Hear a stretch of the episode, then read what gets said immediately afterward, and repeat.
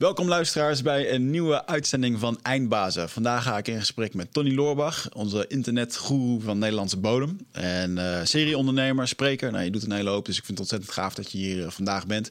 Uh, voordat we daar naartoe gaan, wil ik eventjes de sponsoren bedanken. En ja, dat zag ik gisteren toevallig op, ehm, op Facebook. Dat een van onze sponsoren is Bart. Die heeft een bedrijf totalseat.nl waarin hij massagestoelen verkoopt. En die heeft zijn massagestoelen neergezet op de voor de IC-medewerkers van het ziekenhuis. Nou, dat vind ik dan wel heel cool dat hij dat doet. Dus we hebben lang hier zo'n stoel uh, gehad. Ontzettend relaxed om een soort onderhoud aan je lichaam te hebben. Ja, we gaan het er zo meteen over hebben, want jij bent ook lekker bezig met sport en zo.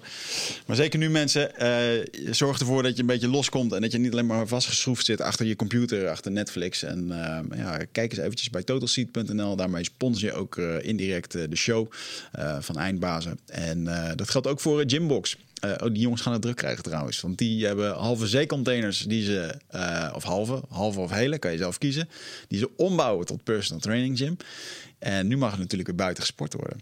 En ik had ze vorige week aan de telefoon. En ze hebben ook nog, ze hebben al gymboxen verkocht twee stuks door eindbazen. Ja, dat vind ik fucking cool om te horen. Weet je? Dus dat uh, uh, iedereen die nu buiten wil gaan sporten, of elke sportschoolhouder die denkt, ja, ik moet hier wat mee. Uh, je moet er zeker wat mee, want anders heb je tot september niks te doen. Dat heb ik gisteren gehoord. Um, dus kijk daarvoor eens eventjes bij de jongens van, van Gymbox. trouwe sponsoren van onze show. En als je je afvraagt waarom ik er vandaag zo goed uitzie. Nou jongens, ik word gesponsord door een kledingmerk. Hoe vind je dat?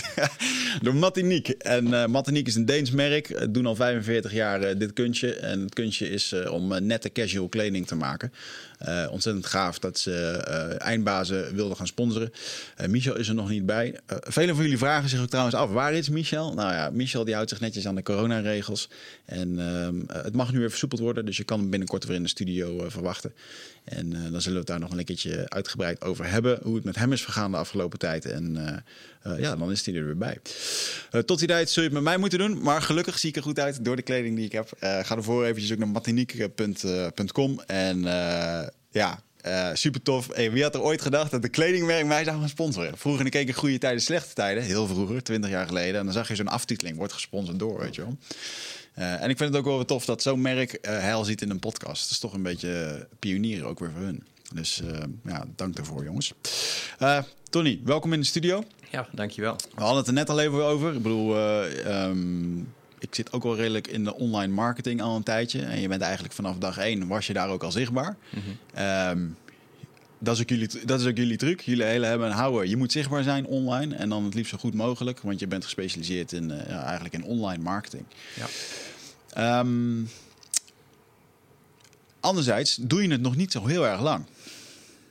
Tenminste, marketing. Nou, in de zin van, ik vind je, je tien jaar hè, nu ongeveer. Ja, dat je eerste 13, 13 jaar geleden, maar okay. 10 jaar als ondernemer, ja. ja. ja. Op zich nog niet zo heel erg lang. Nou, ik ben 33, dus dat is een aanzienlijk percentage van mijn leven. Dat is een aanzienlijk percentage van je leven, maar uiteindelijk vind ik het nog steeds niet veel. Hè. 10 jaar is, ja, het is wel een periode, maar uh, ik vind het mooi om wat je allemaal hebt neergezet in die 10 jaar tijd. En uh, ja, goed, uh, um, ja, ik vind je daarin een voorbeeld als ondernemer. Um, voor hoe dat je de, de touwtjes daarin aan elkaar knoopt. Dus ik wil de mensen vandaag eens eventjes meenemen in de reis. Wie Tony is, wat je allemaal doet, uh, wat je hebt gedaan en waar je mee bezig bent. Want ondertussen is het niet alleen maar ondernemen, je bent ook met hele andere toffe dingen bezig. En um, uh, laat ik eens even bij beginnen met, um, uh, ja, waar komt Tony vandaan? Wat, hoe, hoe ben je terecht gekomen? We het zo zeggen in het uh, online marketingvak bedoel ja, je? Ja, ja waar, je nu, van, waar, je, nou, waar je nu vandaag waar je nu vandaag de dag mee bezig bent. En uh, geef ons eventjes een korte introductie over uh, ja, wie je bent en hoe je daar bent gekomen. Um, nou ja, heel kort. Um, ik ben in 2007 ben ik, ben ik het vak ingerold, online marketing. Dus ik ga die 13 jaar wel even wat, wat korter samenvatten, anders zijn we daar al een, een uur mee bezig. -hmm. Maar ja, destijds eigenlijk per ongeluk. Ik studeerde commerciële economie en ik moest een stageplek hebben. En uh, eigenlijk was ik helemaal niet van plan om een stageplek te gaan uh, zoeken. Want ik dacht, ja, ik zit 40 uur in de week in de kroeg. En ik wil niet 40 uur per week in, uh, op kantoor gaan zitten. Dat wilde ik helemaal niet verruilen. Mm -hmm. Tot ik op een gegeven moment dacht van ja, maar ja, als ik geen stageplek heb, dan loop ik een half jaar studievertraging op. En dat op de een manier kon ik daar niet mee dealen in mijn hoofd. Dus dan kreeg ik last minute kreeg ik een visitekaartje van een Ilke de Boer. Van een klasgenoot van mij. Die zei ja, hij zoekt nog een, een stagiair. En misschien moet je hem eens bellen. En uh, daar heb ik toen gesolliciteerd. Hij startte toen net zijn online marketingbedrijf. En uh, ik heb dat toen gesolliciteerd met echt de slechtste sollicitatie ooit. Hmm. volgens mij heb ik maar één vraag gesteld met krijg ik ook betaald? En meer heb ik niet gevraagd. Oh, wow. En achteraf belde die mij en zei van ja, weet je, eigenlijk ja, liever niet, want het was niet zo'n goede sollicitatie. Maar we hebben maar één sollicitant gehad. En uh, dus ja, als je wil, dan kom maar langs. En dan uh, zien we het wel. Dat is wel heel eerlijk dat hij dat zo zei. Ja, en ik had trouwens wel, ik had nog wel een uitgebreide mail gestuurd na de sollicitatie met, met waarom ik vond dat ik een geschikte kandidaat was. Omdat ik zelf ook wel aanvoelde van volgens mij was dit niet best mijn beste optreden. Nee. Dus ik had zoiets van, nou ja, weet je, laten we het maar proberen. En als het niet bevalt, dan ga ik gewoon weer weg. Ja. En uh, zo geschieden. En toen zijn we samen gaan werken. beviel mij heel goed. Dus toen heb ik echt dat online marketing virus een beetje opgepakt. En jarenlang als rechterhand van Ilko gewerkt. Ook met z'n tweeën naar Amsterdam gegaan. Dus toen hij ging, dacht ik van of ik ben mijn, of ik ben mijn baan kwijt. Ja. Of ik ga mee. Dus toen ben ik maar meegegaan. En uh, toen in 2010 zijn we samen een nieuw bedrijf gestart. Destijds uh, de Internetmarketing Universiteit. Nou, dat heb ik nu nog steeds. tegenwoordig heet dat de IMU, de Internet Marketing Unie. Um, dat is al die jaren is dat gegroeid. Inmiddels heb ik dat met, met een andere compagnon, met Martijn van Tongeren. Mm -hmm. Die is ooit als klant begonnen en toen als, uh, als uh, klantenservice medewerker en toen als manager. En toen heeft hij zich ingekocht of heeft hij Ilko's aandelen overgekocht en nu is hij dus mede-eigenaar. Ja, um, en door de jaren heen wat andere bedrijven gestart. Hè. Dus we hebben heel veel softwareproducten ontwikkeld voor eigen gebruik en voor onze klanten. En daar hebben we steeds meer losse bedrijven van gemaakt. En inmiddels heb ik uh, acht of negen bedrijven volgens mij. Dus het, Ja. het groeit best wel groot. Ja, mooi man. Ja. Was dat de planning? Nee, nee, totaal niet. Eigenlijk was ik niet eens van plan om ondernemer te worden. Dus toen ik bij Ilko uh, uit dienst wilde gaan in 2010, was ik eigenlijk van plan om gewoon ergens anders te gaan werken. Um, want ik was gewoon alleen als enige werknemer. En ik dacht, ik mis eigenlijk de, en de ontwikkeling en het referentiekader en de collega's in een nieuwe stad. Uh, en toen was het eigenlijk Ilko's idee. Die zei van, je kunt ook ondernemer worden. En dan starten we samen een nieuw bedrijf. Dan kunnen we wel blijven samenwerken in dezelfde markt. Maar dan, is het, dan wordt het jouw dingetje, zeg maar. Hè? Dus een volgende stap. Ja. Dus ook dat was eigenlijk per ongeluk besloten. Uh, en ik ben toen uh, een softwareproduct op de markt gaan brengen. Simpelweg omdat Ilko cursussen verkocht. En dacht, ik moet me onderscheiden van Ilko. Dus als hij de kennis verkoopt, dan ga ik de praktijk verkopen. En dan ga ik software verkopen. Ja. Maar ik ben zelf niet technisch. Ik kan geen lettercode schrijven. Dus ik ben eigenlijk per ongeluk een softwarebedrijf begonnen toen, omdat de markt daarom vroeg. Ja. En, en nu jaren later heb ik ineens drie softwarebedrijven. En ik kan nog steeds geen, geen lettercode schrijven. Ja. Maar ik reageer gewoon steeds op wat er op mijn pad komt en wat uh, op dat moment logisch lijkt. Ja, ja mooi. Ja. Zou je zeggen dat je um, goed bent om intuïtief te ondernemen? Um, vind ik een moeilijke vraag. Want ik vind mezelf niet echt een geboren ondernemer ik, ik denk dat ik in de kern eigenlijk meer een werknemer ben. Mm -hmm. Ondernemers zie ik toch vaak als mensen die, uh, die uh, heel veel ideeën hebben. Dat is vaak ook de grootste handicap hè, van een ondernemer. Dat ze meer ideeën hebben dan dat goed voor ze is. En meestal als mensen mij vragen van... ja, maar hoe hou jij dan je focus als ondernemer... in al die ideeën die je hebt? Mm -hmm. Ik heb meestal zoiets van... ja, ik heb die ideeën gewoon niet. Ja. Ik heb niet zo heel veel ideeën. Ik heb echt al tien jaar lang hetzelfde idee. En, Ja. en ik blijf bij dat idee en ik, en ik verbeter het steeds een beetje. Dus of dat heel intuïtief is, weet ik niet. Ik zie ook geen gaten in de markt of baanbrekende concepten. Of ik zie mezelf niet als een, als een pionier of iets dergelijks. Maar Ja. ik zie wel werk liggen waarvan ik weet dat het werk eh, beter zou kunnen gebeuren. Ja, Eh, en daar heb ik eigenlijk altijd mijn business op gebouwd. ja, ja. En eh, je zei dat je bij, eh, bij Ilko bent begonnen. Kan je Ilko de Boer eens omschrijven wie hij volgens jou is en wat hem zo uniek maakt? Dat is wel een mooie vraag, die heb ik nog nooit gehad. Ehm Ilko is, is, is denk ik de... Ja, hoe zeg je dat? Hij is natuurlijk een beetje het, de geestelijk vader van online marketing in Nederland. Hè, toen hij in 2007 daarmee begon. Hij was de eerste die een online marketing cursus uitbracht. Volgens mij, toen hij zijn eerste e-book online zette... was die voor mij het tweede of het derde e-book überhaupt in Nederland... wat online stond. Dus de hele manier van online marketing... van eh, eh, online waardevolle informatie geven... Ehm, in ruil voor eh, bijvoorbeeld het opbouwen van een mailinglijst. Hè, een mailinglijst bouwen, daar waardevolle e-mails naartoe sturen, band opbouwen, eh, cursussen verkopen, informatiemarketing. Dat concept, dat is, dat is daar ontstaan. Hè, dat eh, kleine kamertje in Groningen destijds. En nu zie je dat er echt honderden, zo niet duizenden mensen op die manier ondernemen in Nederland. En dat er tienduizenden, honderdduizenden mensen daar direct of indirect weer mee te maken hebben. Dus dat is in de kern wel wat hij neer heeft gezet. En uh, wat ik ook altijd heel erg van hem heb geleerd. Ik denk dat Ilko, als je nu naar Ilko kijkt, dat hij in, in wezen um, een ijzersterke verkoper is. Dat sales is echt zijn, um, zijn allersterkste kant. Hij is gewoon heel goed in staat om mensen online te bereiken, maar om die mensen dan vervolgens ook uh, zover te krijgen dat ze ook daadwerkelijk iets doen. Dus dat ze een product kopen of dat ze in actie komen. Um, en dat vind ik altijd heel mooi om te zien. Ja, ja ik vind Ilko wel een. Uh, uh, het is nog niet gelukt om een afspraak met hem te regelen. En hij weigert ook volgens mij om hierheen te komen, want iedere keer worden we uitgenodigd naar zijn man cave. Ja, ja, ja, dat snap ik. Dus vind ik wel mooi dat hij daar, uh, daar hou ik al van, dat hij dat. Er zijn een aantal gasten die dat kunnen flikken. En voor mij is Ilko dat ook. Ook de PSV-directeur, die uh, Toon Gerbrands, die weigert ook om te komen. Toen kost het een halve ochtend en ik hou er wel van. Ja, ja. ja. Dus geen eens te twijfelen of ik wel had moeten komen dan. Ja, ja. nou, uh, misschien had je er wel, niet, wel of niet bij gehoord. Dus we moeten even ja, kijken op het selectielijstje. Nee, maar ik vind Elko wel een um, uh, lekker eigenwijs. Dat, dat, komt vooral bij, bij mij naar boven. En absoluut first to market met hetgeen wat hij deed. En ik denk nog steeds wel met de dingen die hij doet. Ik vind het nog steeds grappig om te zien dat hij dan af en toe, uh, weet ik veel, een 18 uur in een webinar geeft of zo. ja. Echt gewoon alles tegen de regels in, maar wat dan ook alweer gewoon bij hem past en wat, uh, wat werkt. Nou, dat, is grappig dat je dat zegt. Kijk, ik heb het natuurlijk 13 jaar lang op rij, heb ik het van heel dichtbij gezien. En wat knap is aan hem, is dat hij uh, het, zichzelf elke keer opnieuw weet uit te vinden. Um, en dat die concepten, um, uh, net wat jij zegt, gewoon buiten de bestaande regels omdoet. Als wij zeggen van ja, een YouTube-video mag niet langer zijn dan vier minuten, ja. want dan kijken mensen hem niet. Ja, ook al gooit er rustig eentje van vier uur online. Hè? Ja. En, en, we hebben daar net zo goed. Hij kan gewoon 24 uur gaan zitten praten. Ja. En mensen blijven ook luisteren. En mensen blijven het ook boeiend vinden. En, en dat is heel knap, want er zijn maar heel weinig sprekers die, die dat voor elkaar kunnen krijgen. Ja, ja plus de, als je het dan hebt over de uh, wat je dan zegt, van, hij kan heel goed verkopen. Ik denk dan dat de kracht erin zit. Dat als ik naar hem kijk op een podium, dan zit hij daar omdat hij het leuk vindt. En hij heeft een beetje met het. Ik krijg een beetje van de, de energie die er vanaf spat, is dat hij er niet zoveel om geeft. Weet je wel? Hij zit daar gewoon relaxed. Hij zit dus niet echt te verkopen. En daarom verkoopt het waarschijnlijk. Ja.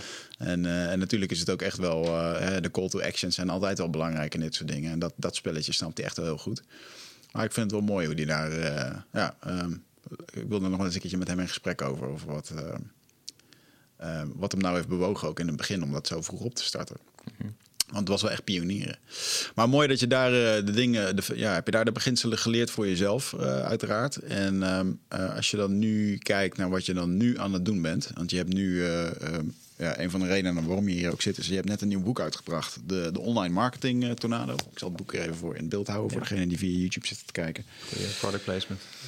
Maar uh, ja, je mag, zou me eigenlijk achter jou even moeten neerzetten zo meteen. Um,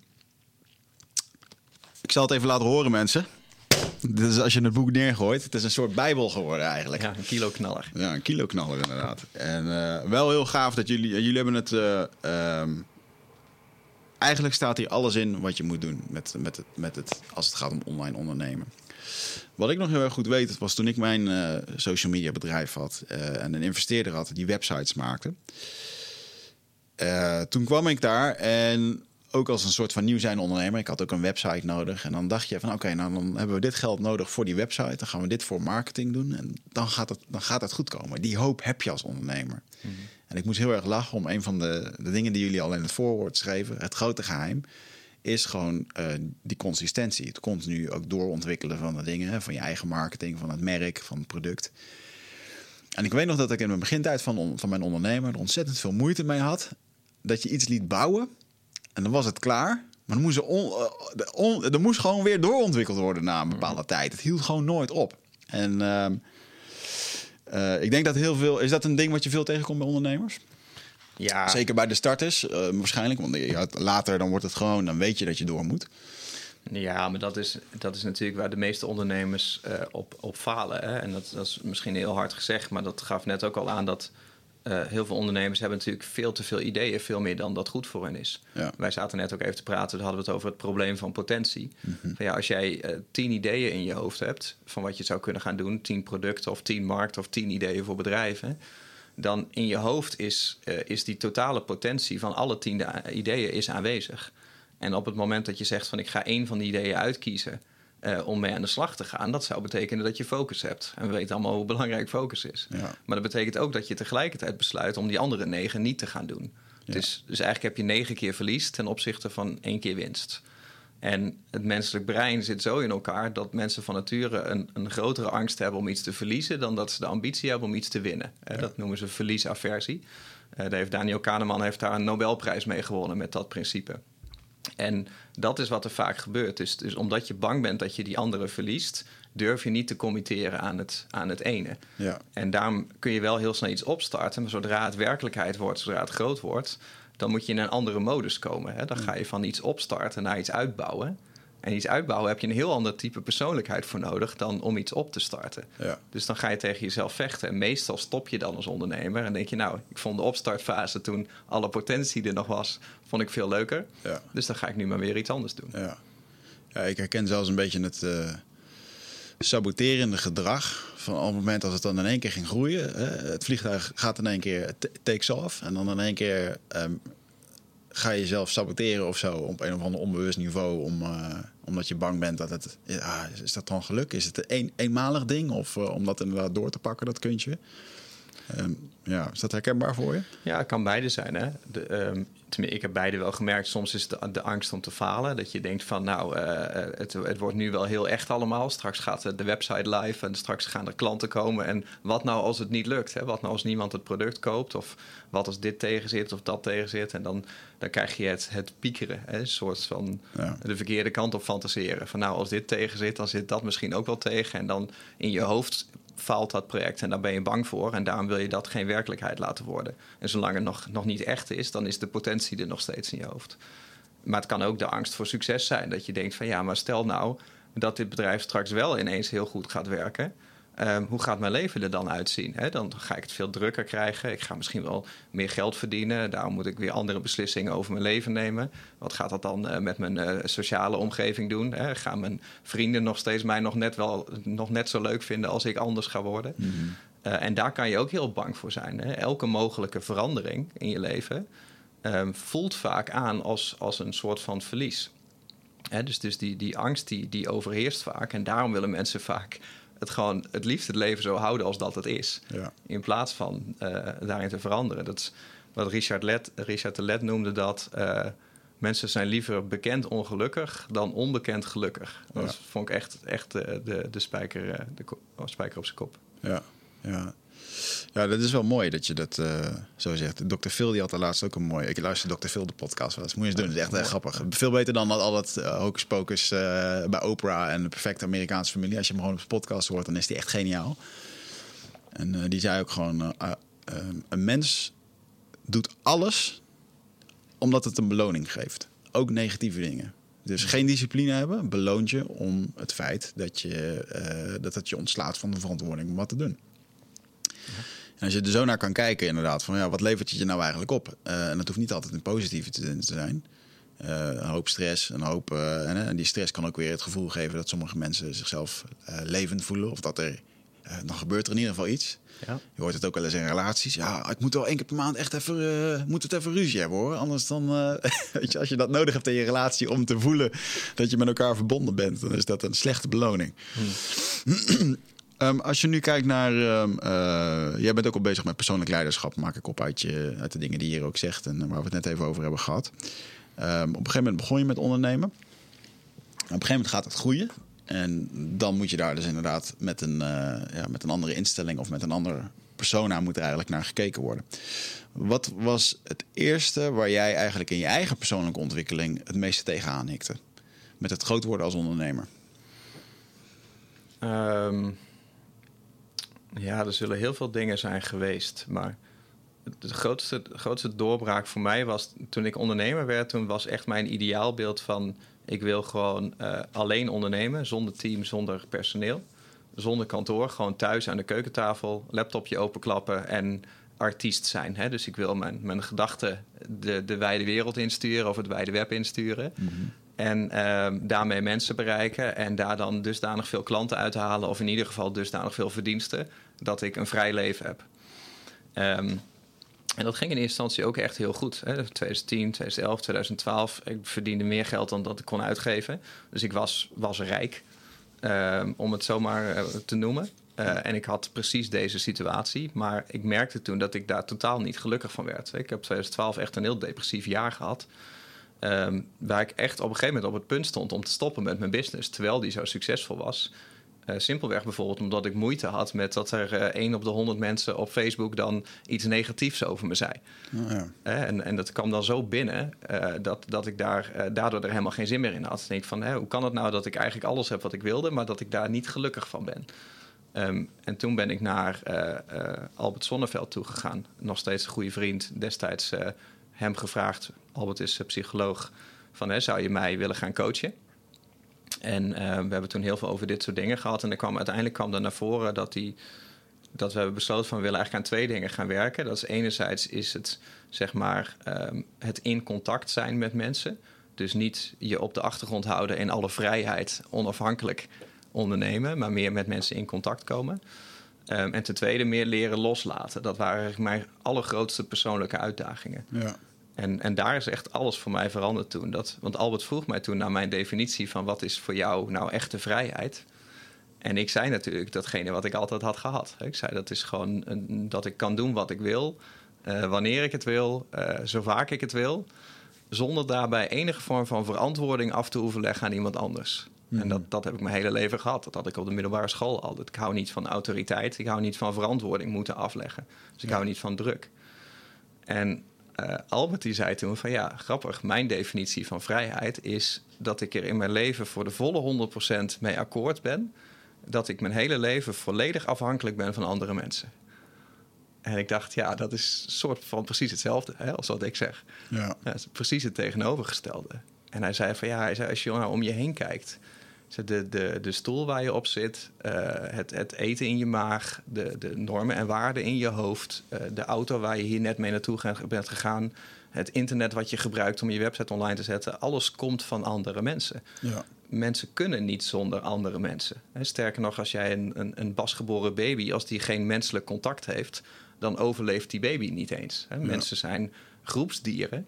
En kunnen niet zonder het in contact zijn. Albert zei, het kost een mens zelfs meer moeite om uit contact te zijn dan om in contact te zijn. En daarom ben jij, uh, voel je zo alleen en voel je zo ongelukkig, omdat je jezelf onafhankelijk hebt gemaakt. Ja. En dus daarmee geïsoleerd. En dan zei hij, op het moment dat je gaat uh, toegeven aan jezelf dat je je hele leven afhankelijk bent van andere mensen. En dat je daarom de controle ook durft weg te geven. Dan ga je zien dat je een heel vrij en eigenlijk onafhankelijk mens wordt. Dus dat is een beetje een, een paradox. Mm-hmm. En om, om dat inzicht ben ik toen een team gaan bouwen, hè, kantoor gaan huren. En ben ik, ben ik echt een bedrijf gaan bouwen met een hele andere cultuur. Ja. En daar is uiteindelijk alle persoonlijke groei uit voortgekomen. Ja. Ja, ik denk dat er een. Uh, tenminste, ik zit nu zelf, wat je nu zegt, hè, van uh, je was die artiest. Ik heb dan vorig jaar echt een beslissing voor mezelf gemaakt. Ik wil geen, geen ondernemer zijn, ik wil artiest zijn. Dat, daar gedij ik het best in. Maar ik merk ook dat er een soort tussenvariant eh, moet komen waar ik de artiest ben en waar er toch een bedrijf omheen gebouwd wordt. Dat, dat voor mij zorgt. En uh, als het dan gaat over loslaten en dingen. Uh, ik, ik, zit nu zelf wel een beetje in dat proces om daar. Uh, want de artiest staat graag zelf op het podium, doet al die dingen zelf. Dus ja. ik merk dat ik dat heel vervelend vind. Maar dat is wel een. Want je noemde het zelf ook, je voelt jezelf nu weer een beetje in de artiestenmodus zitten. Ja, klopt. Maar dan meer als investeerder en uh, uh, stratege. Nou, ik heb, ik heb het wel eens. Ik heb ooit van, van Keith Cunningham uh, geleerd. zijn. ja. Top, dankjewel. Uh, ooit van Keith Cunningham geleerd. Zijn 4-day MBA-programma. Als je ooit nog iets wil volgen, dan zou ik dat doen. Want mm -hmm. Keith is al wat op leeftijd, dus die zou ik een keer meepakken. Maar hij leerde toen van het zijn eigenlijk vier fasen. Hè. Je begint als ondernemer altijd als artiest. Want er is nog niks. En er is niks zo inspirerend als een wit vel A4. He, dus, dus je kan alleen maar creëren. Ja. En dat is een heerlijke fase om in te zitten. Want alles is toegevoegde waarde en je doet alleen maar wat je leuk vindt. En dat is dan ook je motto. He, als het niet leuk is, dan doe ik het niet. Maar op een gegeven moment dan komen er de eerste klanten. En dan komen de eerste reactieve taken en de eerste verplichtingen. En dan ben je geen artiest meer, maar dan word je een werknemer in je eigen bedrijf. Ja. En als je een werknemer in je eigen bedrijf bent, dan, dan wordt het niet meer creëren, maar dan wordt het echt zweten, dan wordt het werken en dan wordt het uren investeren. En dan is vaak je motto: uh, als het goed moet gebeuren, dan kan ik het het beste zelf doen. En, en daar gaan de meeste ondernemers aan onderdoor. Daar heb ik ook heel veel moeite mee gehad met die fase. Ja. En fase drie is dat je eigenaar wordt van je eigen bedrijf. Hè? Dus, dus je pakt een ownership, je gaat mensen aansturen, andere mensen gaan taken voor jou doen. En ehm, het motto op dat moment is meer het motto wat ik van Albert leerde. Hij zei: Je hebt pas controle op het moment dat je het niet meer nodig hebt. En dat vond ik als control freak zijnde vond ik dat super frustrerend. Je hebt pas controle op het moment dat je het niet meer nodig hebt. Maar het betekent feitelijk gezien in eerste instantie dat als iemand anders de controle heeft, dat jij die controle niet meer hoeft te hebben. Uh, stap 2 is dat je geestelijk gezien dat je überhaupt die controle ook niet meer moet willen hebben. Ja. dus dat, dan word je meer verlicht. En op het moment dat je daaruit kan stappen en je gaat naar de vierde fase van investeerder, dus je bent ook niet meer alleen de eigenaar van het bedrijf of de manager die het aanstuurt, uh, maar je staat boven het bedrijf. En als investeerder is eigenlijk het enige wat je doet, is je, je vergaart resources, dus uh, tijd, geld, mensen, netwerk. En die, uh, die distribueer je iedere maand op een manier waarvan jij denkt van nu komen ze maximaal tot hun recht. En uh, datgene wat het is, wordt meer waard. Of ik beperk het risico dat het minder waard wordt. En als investeerder word je dan eigenlijk weer een beetje de artiest. Want het enige wat jij toevoegt aan de bedrijven die je hebt, of aan het bedrijf wat je hebt, is wat je in eerste instantie ook deed. Je creëert datgene waarvan jij weet van, nou, als iemand het kan creëren, dan ben ik het. Dus ik voeg alleen maar datgene toe wat absoluut ik zou moeten doen, waar ik van de meeste toegevoegde waarde ben. En alle andere andere dingen, die doe ik niet, maar die wordt door iemand anders gedaan. Ja, ja. mooi. En waar komt die uh, drang naar controle, waar komt dat vandaan bij jou? Ja, dat is wel een goede vraag. Nou, dus we moeten eigenlijk even op de sofa gaan liggen waar uh, dat in de jeugd allemaal. Doe, doe je ogen dicht? Ah, je bent bekend met therapie. ja, waar die controle vandaan. Nou ja, kijk, ieder mens heeft een controlebehoefte. Dat is logisch. Dat is. Um, ah, ik, ik, vraag het meer. Waarom, de reden waarom ik het vraag, omdat hier waarschijnlijk veel ondernemers naar luisteren. En uh, men kijkt natuurlijk naar uh, oh, uh, ja, de, de, de, succesvolle bedrijven, eh, het spreken, het, misschien de podcast of, of wat dan ook. Weet je, alles wat, wat hier nu als het ware visueel aanwezig is. Mm-hmm. Alleen um, iedereen loopt met dit soort dingen rond. dus ik ben gewoon heel erg benieuwd van ja, oké, okay, nou, wil je daar overheen komen als je bij jezelf merkt van ja, ik heb ook die controle, om, ik vind het moeilijk om los te laten. Dan zou je toch uh, een keertje dat dal in moeten gaan. De krochten van je eigen geest om, uh, om te zien waar dat vandaan komt. Ja. Uh, dus vandaar eventjes de vraag om ja, waar komt de controle vandaan? Nou, ik zit tussendoor even over na te denken. Ik, ik heb niet heel duidelijk, denk ik, één ding waarvan denk daar is mijn controlebehoefte ontstaan. ik denk dat ieder mens het wel heeft. Alleen ondernemers hebben het vaak meer. En bij mij is het ook meer gekomen op het moment dat ik ging ondernemen. Mm-hmm. Want op het moment dat je besluit om te gaan ondernemen, dan pak je eigenlijk de controle dus je zegt van ik wil vanaf nu wil ik controle hebben over het werk wat ik doe, of over de hoeveelheid geld die ik verdien, of over het aantal uren wat ik maak. Dus de omstandigheden van mijn werk wil ik nu zelf controleren. En uh, dat maakt je ook sterk. En omdat dat zo goed heeft gewerkt en dat je grootste sterkte is, um, ben je er niet bewust van dat je grootste sterkte eigenlijk tegelijkertijd ook je grootste zwakte is. Ja. dus als je iets moet opstarten en je bent alleen, dan is controle is je grootste sterktepunt. Ja. Maar op het moment dat je wil uitbouwen en dat je het groter moet maken dan dat jij als persoon bent, dan is controle is ineens je grootste zwaktepunt geworden, omdat je in een, ander, uh, in een andere omstandigheid bent geraakt. En um, daar, daar was ik niet heel bewust van, dat, dat ik daar toen in aan moest passen. Um, en vervolgens, ja, als je daar dan bewust van raakt, ja, dan, dan is het nog een lange weg. Dan wordt het een kwestie van oefenen. Ja. Uh, Albert zei altijd tegen mij van elke keer als je een inzicht hebt over je persoonlijke groei, dus bijvoorbeeld dat je realiseert dat jij meer moet loslaten, hij zei je wordt altijd 24 uur na of binnen 24 uur na dat inzicht word je getest door het universum of jij uh, dit nieuwe inzicht goed begrepen hebt. Dus er komt altijd binnen 24 uur een situatie waarin je je nieuwe gedrag mag oefenen. Ja. Dus je hoeft daar alleen maar heel bewust op te zijn. Dus dat betekent de eerstvolgende keer dat uh, iemand je kantoor binnenloopt en uh, een bepaalde taak heeft uitgevoerd waarvan jij denkt van ik had dat net even wat anders gedaan. Dat je dan niet zegt van geef het maar aan mij, ik ga nog even een beetje aanpassen en dan maak ik het wel af. Maar dat je de tijd neemt om iemand uit te leggen wat er eventueel beter zou kunnen. Ja. Zodat diegene dat alsnog zelf kan gaan doen. En dat is, dat is maar iets heel kleins. Mhm. Maar als je dat jaar in jaar uit bij iedere situatie steeds iets verder uitbouwt, dan, dan leer je op een gegeven moment heel veel loslaten. Ja. Hoe, uh, want je bent, het is wel grappig, je, je kan geen woord coderen, uh, maar je hebt wel een softwarebedrijf. Mm Dus je hebt te maken met ontwikkelaars. apart, uh, apart type in het human race, zeg maar. Gewoon vaak wat introvert. En um, um, tenminste, dat is mijn ervaring. Hè? Gewoon jongens die lekker achter de computer willen zitten. En um, het soms lastig vinden om... Uh, uh, ja, laat ik, ja, gewoon lastig vinden om over een gevoel te kletsen. dus dat is vaak heel erg in het hoofd. Merkte je dat daar... vind je dat moeilijk in jouw bedrijf? Heb je dat ervaren? Nou, ik ben gelukkig gezegend met best wel sociale programmeurs. Ja. Hè, dus um, dat, dat, dat, valt bij ons mee. De, de, de communicatie is redelijk goed. En uh, da, daar, hebben, daar merk ik niet een verschil ten opzichte van andere mm. uh, mensen die bijvoorbeeld op marketing of support zitten.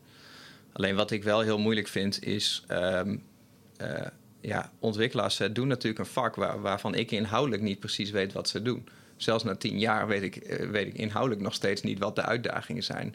En uh, softwareprojecten duren altijd langer dan gepland. Ja. Hè, dus dus hè, op het moment dat een programmeur zegt van nou, ik ga iets bouwen en dat duurt een maand. Ik weet inmiddels dat ik in mijn hoofd dan minimaal zes maanden moet rekenen. Ja. Maar daar wil je eigenlijk niet aan toegeven als iemand tegen jou zegt van ik ga een maand aan de slag. Dat jij weet van dat gaat een half jaar duren voordat dat af is. Mm -hmm. En dat is al tien jaar zo en dat gaat ook nooit veranderen. En dat kunnen die programmeurs, ik kan het zo ook niet kwalijk nemen, maar ik krijg er maar niet de vinger achter waarom dat nou precies in zit. Van, hè, hoe kan je nou elke keer, jaar in jaar uit, geen inschatting kunnen maken van hoe lang iets duurt? Ja. En dat, dat is het meest ongrijpbare aan het, het programmeursvak. Ja. Dat maakt het moeilijk, ja. Ja, ja, ja. mooi. En um, als je nu uh, jouw nieuwe projecten, de, mar de online marketing tornado, is eigenlijk een verzamelboek van alles. Uh, nou ja, het is, wat ik al zei, het is de heilige bijbel voor, uh, voor marketing. Wat is hier het verhaal achter? Achter het boek. Mm -hmm. um, was dit overigens dus niet? Ja, heb je ooit echt zelf een boek geschreven of niet? Je hebt wel een hoop e-books en dat soort dingen. Maar ja, ik heb één keer eerder een fysiek boek uitgebracht. Okay. Maar dat was, uh, ik, heb, ik heb een paar e-books geschreven. Eentje daarvan was winnen in Google. En dat ja. ging over hoe je kan scoren in Google. Mm. En um, dat was al iets van 70.000 keer gedownload toen er een uitgever zei van wij willen heel graag een boekje maken over hoe je je WordPress website kan optimaliseren voor Google. Ja. En dan vonden we jouw e-book. En eigenlijk willen we precies dit boek, maar dan met WordPress voorbeelden erin. In plaats van dat je je eigen software loopt te promoten. Ja. En toen heb ik gezegd van nou, dat is goed, dan schrijf ik het om. Uh, maar daarna wil ik er ook niks meer mee te maken hebben, want ik ga het zelf niet uitgeven. Ik was dat niet van plan. En dat is toen doelgerichte SEO geworden. Uh, maar toen het er eenmaal was, vond ik het wel heel gaaf om echt een fysiek boek in handen te hebben. Ja. Uh, en toen ben ik het ook gaan promoten. En toen werd het ook ineens een bestseller, wat ik heel gaaf vond. En toen zag ik wel dat er echt een bepaalde magie zit in een fysiek boek ten opzichte van een e-book. Ja. Het is bijna nog eerder dat mensen een fysiek boek kopen dan dat ze een e-book downloaden. Ja. Terwijl een, een, fysiek boek geld kost. Dus dat was altijd wel het plan. Um, en het plan voor de tornado was eigenlijk, um, vorig jaar hebben we dat besloten. Ik zat toen met Martijn, mijn compagnon, in het vliegtuig naar uh, een seminar in Amerika toe. En we hadden zoiets van, we moeten eigenlijk moeten wij een keer een fysiek boekje op de markt brengen in plaats van ons e-book zodat we dat als uh, weggever kunnen, kunnen aanbieden. Mm -hmm. En dus mhm. als wij nou een startersgidsje maken met onze basisfilosofie erin, dan kunnen we mensen uitleggen hoe een goede online marketingstrategie er op hoofdlijnen uitziet. En wij hebben drie software tools die daar precies op aansluiten. Dus als we dat dan heel dun en heel simpel houden, met bijna alleen maar plaatjes en dat het geen moeite kost om te lezen, ja. um, dan kunnen we dat voor kostprijs bijvoorbeeld voor 3 of 4 euro verkopen. En dan hebben we en heel veel leads. En die hebben dan ook nog eens een financiële transactie al aan ons gedaan. Ja. En dan hebben ze het ook nog eens thuis fysiek in handen in plaats van in e-books. Dat ja. was eigenlijk het plan. Ja. Um, en het idee was begin van dit jaar, om, omdat ik een zesweekse uh, challenge ging doen. Een combi tussen zes weken fitnessen en zes weken iets mentaals. Dat ik dacht, nou dan ga ik dat boekje ga ik in zes weken schrijven. Ja. Um, of wij dan samen. En uh, we hebben toen besloten om dat een beetje te verdelen. En Martijn is meer is beter in het runnen van het bedrijf hè, en op de werkvloer zijn. Uh, en ik ben beter geïsoleerd op afstand om gewoon te creëren. En dus dan we, bepalen we samen van wat komt er in zo'n boek. En dan maakt het niet meer uit wie feitelijk de toetsen indrukt. Dus ja. ik ben gewoon zes weken lang gaan zitten, gaan zitten typen als een bezetene. Maar ja, zowel Martijn als ik, wij kunnen ons blijkbaar niet echt inhouden qua content. Nee. Dus we hebben per ongeluk uh, alles erin gezet wat we, wat we wisten.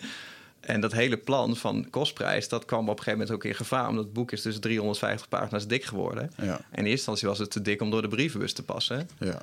Dus ging die hele kostprijsgrap uh, ging helemaal niet meer op. dus het is een beetje uit de hand gelopen. Maar ik ben wel heel blij dat het, dat het er nu zo is. Ja, als je een uh, compleet naslagwerk wil uh, afleveren... En, want je kan het voor 6 euro kopen... bij jullie op de website... En dan is het echt een gouden, een gouden lead ja, een lead magnet of net hoe dat je dat wil noemen.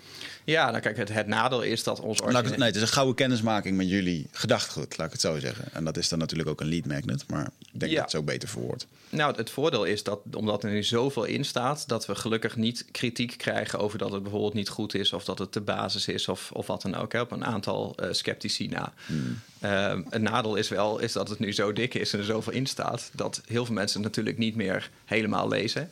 Ja. Eh, en dat die eh, vier pagina's of zes pagina's die erin staan over onze software, dat die in die 350 pagina's nogal wegvallen. Dus het originele doel van het, van het concept is, is een beetje, dat is een beetje wegge- weggevallen. Ja. ja, Jos Burgers die zei dat wel heel mooi hier, dat, eh, dat hij vaak wordt aangesproken door mensen na zijn lezing. En dat mensen zeggen, ja, maar ik, ik heb je boekje wel. Maar heb je ze ook gelezen? Ja, dat dan niet. Weet je wel? Maar het feit dat je er, als je er doorheen zit te kijken, ik bedoel, eh, eh, ik ga gewoon eens eventjes wat dingen noemen hè, uit eh, de inhoudsopgave. En dan wil ik dan eens eventjes jouw eh, je visie op hebben. Eh, je hebt het ook niet gelezen. ik ben er wel mee begonnen, joh. Jawel, zeker. Ik heb het nog niet helemaal... Nou ja, moet je kijken wat een pul. Hey, wat doe je me aan? Ja, ja ik, eh, ik ben op dit moment bezig met het lezen van 30 boeken in zes weken. Nee, ik... En eh dat gaat heel Oh, dat, goed. ja. Dus dat, eh, als ik een boek in een, eh, in een dag kan lezen, dan moet jij dat toch ook Ja, kunnen. zeker. Ja. Ik heb mijn speed reading eh, kwaliteiten heb ik al een tijdje wel in de kast gelegd. Hmm. Ik had er wel een hele fijne methode voor. Ik ben benieuwd naar die van jou, want anders krijg je het ook niet binnen een dag gedaan volgens mij. Om een boek te lezen. Maar ehm, eh, ik was in ieder geval heel erg geïnter- geïnteresseerd in het deel 5. En dat ging over memberships, omdat ik daar zelf ook een beetje naar aan het kijken ben. Maar ik wil eerst eens even, eerst, ik wil eerst eens even weten. je hebt het hier over vier soorten bezoekers. En dat is denk ik de basis. We hebben straks allemaal bezoekers op onze website. Ehm, eh, en we denken vaak dat veel bezoekers, dat dat, eh, ja, dat is het antwoord. Mhm. En eh, wat denk jij daarover? Hoe denk jij daarover? Nou, nee, aan, aan de, de hoeveelheid bezoekers heb je in principe helemaal niks. Als jij een, een, een, een webshop hebt en je verkoopt fietsbanden. En er wordt elke dag wordt er duizend keer gezocht op eh softijs. En die mensen komen per ongeluk op jouw website. Dan heb je aan die duizend bezoekers helemaal niks. Want mensen die softijs willen kopen, die gaan geen fietsband kopen. Dus, en dat maakt ook niet uit of het er 10.000 of er 100.000 zijn. Dus het gaat erom dat je eh, de juiste bezoekers krijgt. En dat is al het grote verschil.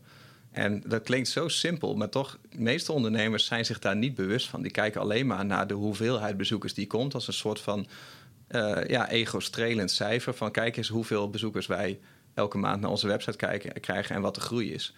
En wat je in eerste instantie wil, is dat je nadenkt over van oké, ik heb een ik heb een heel specifiek product ontwikkeld. Dat staat op een website. En ik wil dat mensen die bewust op zoek zijn naar dit product en die dit product al kennen en die al bereid zijn om hier geld voor te betalen, die mensen, er zijn er weliswaar wat minder van, die wil ik eigenlijk op mijn website hebben. En die kan je via, via een Google ad of via een positie in Google kan je die heel makkelijk krijgen. Hè, dus, Ja. dus in het voorbeeld van die fietsbanden, als iemand in Google zoekt op fietsband kopen, dat is een bezoeker waarvan jij weet van die moet ik sowieso hebben. Dus Ja. dat is je primaire strategie. En eh, je kan ook wel gaan adverteren op Facebook bijvoorbeeld op iedereen die een fiets heeft. Of iedereen die als hobby heeft ingevuld fietsen. Of iemand die eh, als interesses heeft ingevuld van nou ik ben eh, fan van de fanpage van, van, van Batavus of een ander fietsmerk. Dat is ook je doelgroep. Ja. Maar het betekent niet dat die mensen daadwerkelijk op zoek zijn naar het kopen van een fietsband. Dus Ja. dat is veel breder, dat is veel meer schieten met hagel. Ja. Ja. En eh, hoe, ehm, eh, je had het er net over, hè, dat... ehm, ehm, of, eh, ja, ik had vanochtend even een filmpje gekeken waarin je werd geïnterviewd en vertelde je dat mooi over dat veel ondernemers graag voor iedereen beschikbaar willen zijn. En daarom het liefst een of andere wollige tekst op een pagina schrijven om niemand af te schrikken en niemand af te stoten. Wat is, en hoe, wil je daar je visie over delen? Nou ja, dat, hangt een beetje samen met die verliesaversie. Het, is ook, het is ook moeilijk hoor, want als ondernemer... Hoe vaak heb jij ook wel niet gehad dat je aan een ondernemer die vertelt wat voor product hij heeft of wat voor bedrijf, dat je vraagt van nou, voor wie is dat dan? Dat een ondernemer geneigd is om te zeggen ja, voor iedereen eigenlijk. En denk ja, als, als je tegen iedereen praat, dan, dan praat je feitelijk tegen niemand. Ja. Dan moet je op een feestje een keer proberen. Als je in een cirkel gaat zitten of in een, in een woonkamer vol met mensen. Jij begint gewoon in de leegte te praten tegen iedereen. Dan zal er niemand naar je luisteren. Ja. Het is pas als jij oogcontact hebt en één op één gesprek voert, dan luisteren mensen. En dat is online natuurlijk niet anders. Hè. Mensen willen, eh, als ze op jouw website komen, dan willen ze iets van herkenning voelen van eh, deze website is voor mij. Ja. En, eh, en, en daar gaat het vaak mis. Dat, hè, wij gebruiken heel vaak het voorbeeld dat stel dat jij eh, bijvoorbeeld eh, last van je schouder hebt. oh, en, eh, en je gaat naar een apotheek toe om daar een medicijn voor te halen. En er zouden twee schappen staan. Eentje met een, met een, een medicijn wat specifiek is tegen een, een zere schouder. Voor uh, mannen in de leeftijd tussen 30 en 35 in mijn geval. wat één op één aansluit. En het andere schap staat van wondermiddel. Verlost alle pijnen in het menselijk lichaam. Bedoeld voor mannen en vrouwen van alle leeftijden. Ja. En het is nu nog in aanbieding ook. En het is tien keer zo goedkoop. Dan zou ik toch nog steeds dat eerste schap pakken. Ja. Want dat is, dat is mijn uh, probleem. Dus daar herken ik me in. Dus dat, al dat tweede schap, dat focust op iedereen. En daarom focust het dus eigenlijk op niemand. Want als ja. alles belangrijk is, is niks belangrijk. En die tweede is specifiek. Denk, en als er nou ook nog een dokter naast het schap had gestaan... die mij een paar vragen had gesteld over wie ik ben... en wat voor klachten ik heb... en ik had dat uitgelegd en had op basis daarvan gezegd... van dan moet jij schap 1 hebben... dan was de kans dat ik dat kocht nog groter geweest. Hè? Dus, ja. dus daar zie je dat specifieke in combinatie met een autoriteit... daar zit, daar zit de magie. Ja, ja dat is mooi. En mensen vergeten ook nog wel eens dat als je... Ik leg vaak de, uh, het voorbeeld uit van een, van een kniedokter. Dat als je last hebt van je knieën, dan hè, ga je niet naar de dokter inderdaad die alles wat weet, maar naar de kniedokter. Maar die kniedokter, die krijgt ook veel meer betaald voor zijn specialisme. Veel hogere bedragen en dus ook veel schaarser daarin. Um, maar dan is het natuurlijk wel heel lastig om uh, uh, in sommige markten autoriteitsstatus te claimen in Google. Google staat al best wel vol. Mm -hmm. Geloof jij in... Uh, oh, je ziet natuurlijk ook veel van die online programma's die helemaal zeggen... je, je moet pak een niche of creëer je niche in een niche in een niche. Weet je? Een beetje mm -hmm. dat het zo ontzettend selectief gaat worden. Um, heb je daar een visie op? Ja, die, die basis is heel goed. Zeker als je start. Mm -hmm. Je kan het, het liefst start je zo klein mogelijk. Want um, hoeveel te specifieker je bent, des te makkelijker het is om in Google te scoren. Ja. Kijk, ik heb nu uh, een, een, online marketingbedrijf, maar toen ik begon, toen was het niet per se online marketing. Toen was het met name zoekmachine optimalisatie uh, waar ik op focuste. Dus alleen maar dat kleine stukje van online marketing. En ik had dan een website waar SEO-tips op stonden, afkorting van, van uh, zoekmachine optimalisatie. En ik had een e-book wat daarover ging en een product wat daarover ging. En ik kon dan in Google mee gaan doen, bijvoorbeeld door gevonden te worden op het woord SEO of op het woord SEO-tips. Mhm. Maar daar is heel veel concurrentie. Hè? Dat zijn die kortere woorden. Maar als ik bijvoorbeeld ging zoeken op uh, letterlijk de zin: hoe kom ik bovenaan in Google? Of hoe kom ik gratis bovenaan in Google, bijvoorbeeld? Of nog, nog veel specifieker. Hè? Um, uh, uh, wat is zoekmachinevriendelijke code? Of hoe maak ik interne links op mijn website, bijvoorbeeld? Um, dan zag ik dat op die langere termen dat daar helemaal niet zo heel veel concurrentie is. He, dus als jij de, de diepte in gaat, dus noemen dat de long tail, de, de zoekopdrachten ja. van vier woorden en langer. Daar is, zijn bijna geen advertenties voor. Daar wordt bijna niet op gescoord. Hè, want bijna alle ondernemers focussen zich op die, op die short tail, op die korte woorden. Ja. Terwijl uh, long tail, dat is 70% van wat er per jaar in Google wordt ingevoerd, is long tail. He, dus maar 30% van alle zoekopdrachten bestaat uit korte zoekopdrachten. Ja. 70% is langer. En dat wordt alleen maar meer, want we gaan steeds meer voice search gebruiken en tegen onze telefoon praten door aan Google te vragen. Niet van dat je je telefoon zegt: Hey Google, SEO-tips. Maar jij zegt: Hey Google, hoe krijg ik mijn website gratis bovenaan in Google? Ja. En, en dat soort langere zinnen, daar, daar zit vaak de potentie. Maar die kun je alleen maar pakken als je heel specifiek bij een klein onderwerp blijft. Ja, ja, ja. ja. En als je dan nu kijkt naar het. Uh, uh, want dat is één ding wat, wat ik, waar ik de grootste fout in zie, is dat men, oké, we durven wel wat te investeren in de branding en websites, maar uiteindelijk gaat het allemaal om zichtbaarheid. Je moet gewoon content maken om zichtbaar te blijven zijn. De enige reden. Facebook en zowel Google als Facebook hebben gewoon de missie om jou de beste informatie te geven. Om jou ook een, op hun app te krijgen. En dat krijgen ze eigenlijk alleen maar door het interessant te houden, mm -hmm. uh, door accuraat te zijn en uh, door, door relevante informatie te geven. Dus als je als ondernemer niet regelmatig post of geen content plaatst of niet specifiek genoeg, dan vindt een Facebook jou niet belangrijk en word je dus ook minder getoond. Mm -hmm. um, hoe, um, hoe proberen jullie de, de weerstand tegen het veel produceren van content om te leggen bij, uh, bij de mensen die die helpen? Nou, um is belangrijk om te realiseren van hé, je moet veel content uh, produceren. Je, je moet niks. Mhm. Mm -hmm. Kijk, als jij, uh, net wat ik zeg, als jij gewoon een, een webshop hebt en je verkoopt fietsbanden, dan kan je daar wel de hele dag content over gaan zitten maken en de hele dag je, je Instagram vullen. Mhm. Mm -hmm. Maar als jij een advertentie online hebt staan in Google op het woord fietsbanden kopen, er zijn elke dag mensen die daarop zoeken. En Ja. Google houdt van relevantie, ook wel van actualiteit. Maar het feit dat, dat jouw fietsbanden al tien jaar lang dezelfde fietsbanden zijn, betekent voor Google niet automatisch dat ze niet meer actueel zijn. Die advertentie die kan daar altijd blijven staan. En die, Ja. die Google-posities ook. Er zijn alleen ook bepaalde zoektermen ehm, die, die wel actueler zijn. Waarvan Google snapt van dit is nieuwswaardig. En we moeten nu, niet geen, we moeten nu geen artikel uit 2016 gaan tonen als het 2020 is. Ja. Dat is het verschil. Mhm. Eh, Facebook is 100% actualiteit. Hè? Want Facebook kijkt niet naar de inhoud van de informatie, maar naar de populariteit van de informatie op dit moment. Ja. Dus eh, iets wat, wat een paar dagen oud is, dat wordt niet meer gezien op een timeline. Daardoor wordt er ook niet meer op gereageerd.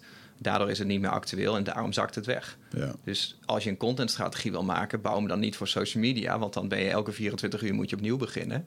Maar bouw een contentstrategie op je website waar het altijd staat. Hè? Ja. En op YouTube waar het altijd staat, of een podcast waar het altijd staat. En pak die informatie er dan uit als stukjes en zet, zet dat op je social media. Hè? Want dan doe je een soort van dubbel werk. Mhm. Maar ja, we noemen dat content curatie. Hè? Dan zet je dezelfde boodschap op meerdere plekken. Ja, ja, ja herkenbaar. Mooi.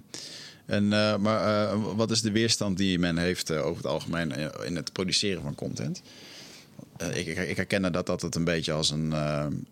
toen ik social media management deed voor een aantal bedrijven... dat men het super lastig vond om gewoon die content te produceren. Men snapte ook de kanalen niet. Eh, soms kreeg ik nog wel eh, van hoe doe je dat nu de social media? Ja, we hebben daar die stagiaire die, is- die heeft veel op de telefoon, dus die doet dat. Oh ja, dus die begrijpt precies wat jullie willen uitstralen op dat Ja. kanaal, weet je wel? Eh, is dat nog steeds iets wat een lopende band verhaal is? bij ondernemers? Ja, dat is nog steeds. Kijk, het- lichaam is wel wat, wat trager dan de geest. Zeker in Nederland. Ik, wij, wij zeggen dat vaak als ik daar. Ik heb het daar met Albert wel eens over gehad. Van, hè, wij hebben dan zo'n psychologie-podcast. En als we dat uitleggen, dat principe van het lichaam is trager dan de geest. Dan zeggen we meestal van hè, als jij nu bijvoorbeeld op vakantie wil naar Curaçao. In je hoofd kan je er nu al zijn. Hè, dus je geest kan nu al naar Curaçao zijn in een seconde. Maar je moet je lichaam er nog naartoe brengen. En om daar te komen moet je lichaam door een bepaalde weerstand heen. En dat Ja. kost en tijd, maar dat kost ook energie en dat kost moeite. Ja. En dat is met, met technologische ontwikkeling is dat ook vaak zo. Dat als je gaat kijken naar de pionierende ondernemers en waar het internet is en waar de Amerikanen zijn, dan ga je bijna concluderen dat eh, iedere ondernemer 100% expert is in online marketing. En dat we al bijna geen websites meer nodig hebben omdat de wereld aan het veranderen is. Maar als je dan in Nederland gaat kijken, dan zie je dat een heel groot percentage heeft überhaupt niet eens een website. Ja. Laat staan een actieve strategie met zijn website. En dan hoor je inderdaad de term van ja, social media, dat is eh, de toekomst. Hè. We moeten op social media zitten. Of nog erger, we moeten social media inzetten, zeggen ze dan vaak. En dan weet je dat iemand niet weet waar hij het over heeft. Want gewoon alleen maar content op die social media gooien en het zichtbaar zijn. Aan zichtbaarheid heb je in principe niks. Nee. Hè, want, want het gaat over impact. Een mooi verhaal vond ik. ehm, want we hebben toch even de tijd. Maar ehm, eh, de presentator van het NOS Sportjournaal, eh, ik ben even zijn naam kwijt, Henry Schut. Die vertelde dat, dat hij op een gegeven moment zijn grootste, zijn grootste eh, accomplishment in het leven was dat hij op een gegeven moment het WK-journaal mocht presenteren tijdens, tijdens het WK zelf, waar op dat moment iets van 7 of 8 miljoen mensen naar keken. En hij had zoiets van: ik zit dus straks op televisie een programma te presenteren wat door miljoenen mensen wordt gezien. Dus ik ben de hele tijd zichtbaar in beeld. Ja. En dan kan ik waarschijnlijk de volgende dag niet meer over straat. Nou, bleek de volgende dag dat er helemaal niks veranderd was in zijn leven. Hij liep gewoon over straat. Mensen keken hem niet aan, mensen zeiden, want er was niks veranderd. Ja. Want hij was wel zichtbaar, maar het ging niet over hem, dat programma. Ja. Toen hij op een gegeven moment een boek uitbracht over zijn, eh, eh, zijn fitnessleven... en hoe hij een mooi lichaam had gekweekt en, en zijn voedingsschema's en dat soort dingen... toen merkte hij ineens dat zijn leven wel veranderde. Dat hij veel meer werd herkend, dat mensen hem aanspraken... dat mensen een berichtje stuurden op social media... want daarmee had hij een impact gemaakt. Je komt binnen in iemands leven. En dan zie je het verschil tussen zichtbaarheid en impact. Dat je kan voor de hele wereld zichtbaar zijn met je billboard en met je reclame... Maar als iemand eh, dat überhaupt helemaal niet ziet, of je komt helemaal niet binnen bij de juiste persoon, dan is dat, dan is dat allemaal loos, loze content. Ja. En dat heb je op social media ook. Je kan wel de hele dag aan het spuien zijn in de hoop dat iemand het ziet die er iets mee wil. Maar je kan veel beter gericht beginnen Ja. om binnen te komen bij de mensen die daadwerkelijk naar jou op zoek zijn. Ja, ja, ja. Hey, En eh, waar ik eh, zelf eh, ehm, warm van word, is de, de ultieme checkout. Ik heb zelf 3,5 jaar bij Ingenico gewerkt. O- Ogone heette het vroeger. En ehm, mensen denken gewoon, ja, ik heb gewoon zo'n betaalprovider nodig en uh, moet gewoon werken, betaalpagina en uh, dan komt het wel goed. En, ja. en als je daar uh, inderdaad echt in gaat zitten en zeker bij de hele grote bedrijven, hoe er wordt gekeken naar de betaalpagina aan zich en wat daar nog allemaal in verbeterd kan worden, dan is dat echt, dat, ja, dat, je kan gewoon 20% van je conversie verliezen op zo'n op zo'n grap als je dat niet goed inricht. wat, is jullie, wat is jullie visie op de checkout? Wat, wat mist het gros van Nederland? Um, nou ja, in eerste instantie precies wat je zegt. Gewoon het besef dat um, niet iedereen die op een betaalpagina komt ook daadwerkelijk een betaling doet. Mm. En uh, dat is het, het, lastige aan internet is dat je gewoon, je kan het bijna niet uh, uh, raden wat er gebeurt. Hè? Of, of, of vooraf al inzien van nou, oké, okay, ik heb een webshop, ik verkoop die fietsbanden. En er staat duidelijk op uh, wat een band is en wat een band kost. En als mensen dan klikken op bestel deze fietsband, dan ga ik ervan uit dat die mensen dat product gaan kopen. Dat is logisch. En als je dan vervolgens hoort dat uh, 60% of 65% alsnog niet die betaling doet, dan heb je als ondernemer al zoiets van: ja, maar waarom dan niet? Uh, en dat kan je bijna niet raden. En wij hebben dat zelfs op onze opt-in pagina's. Dan heb je één pagina. Daar kan je niets anders doen dan je, ons e-book downloaden in ruil voor een naam en e-mailadres. En iets anders kan niet op die pagina. Het enige wat je kan doen is de pagina wegklikken. Ja. En we hebben er laatst een pop-upje aan toegevoegd. Dat als je met je muis naar de taakbalk gaat. Dus dat je van plan bent om weg te gaan, een exit intent.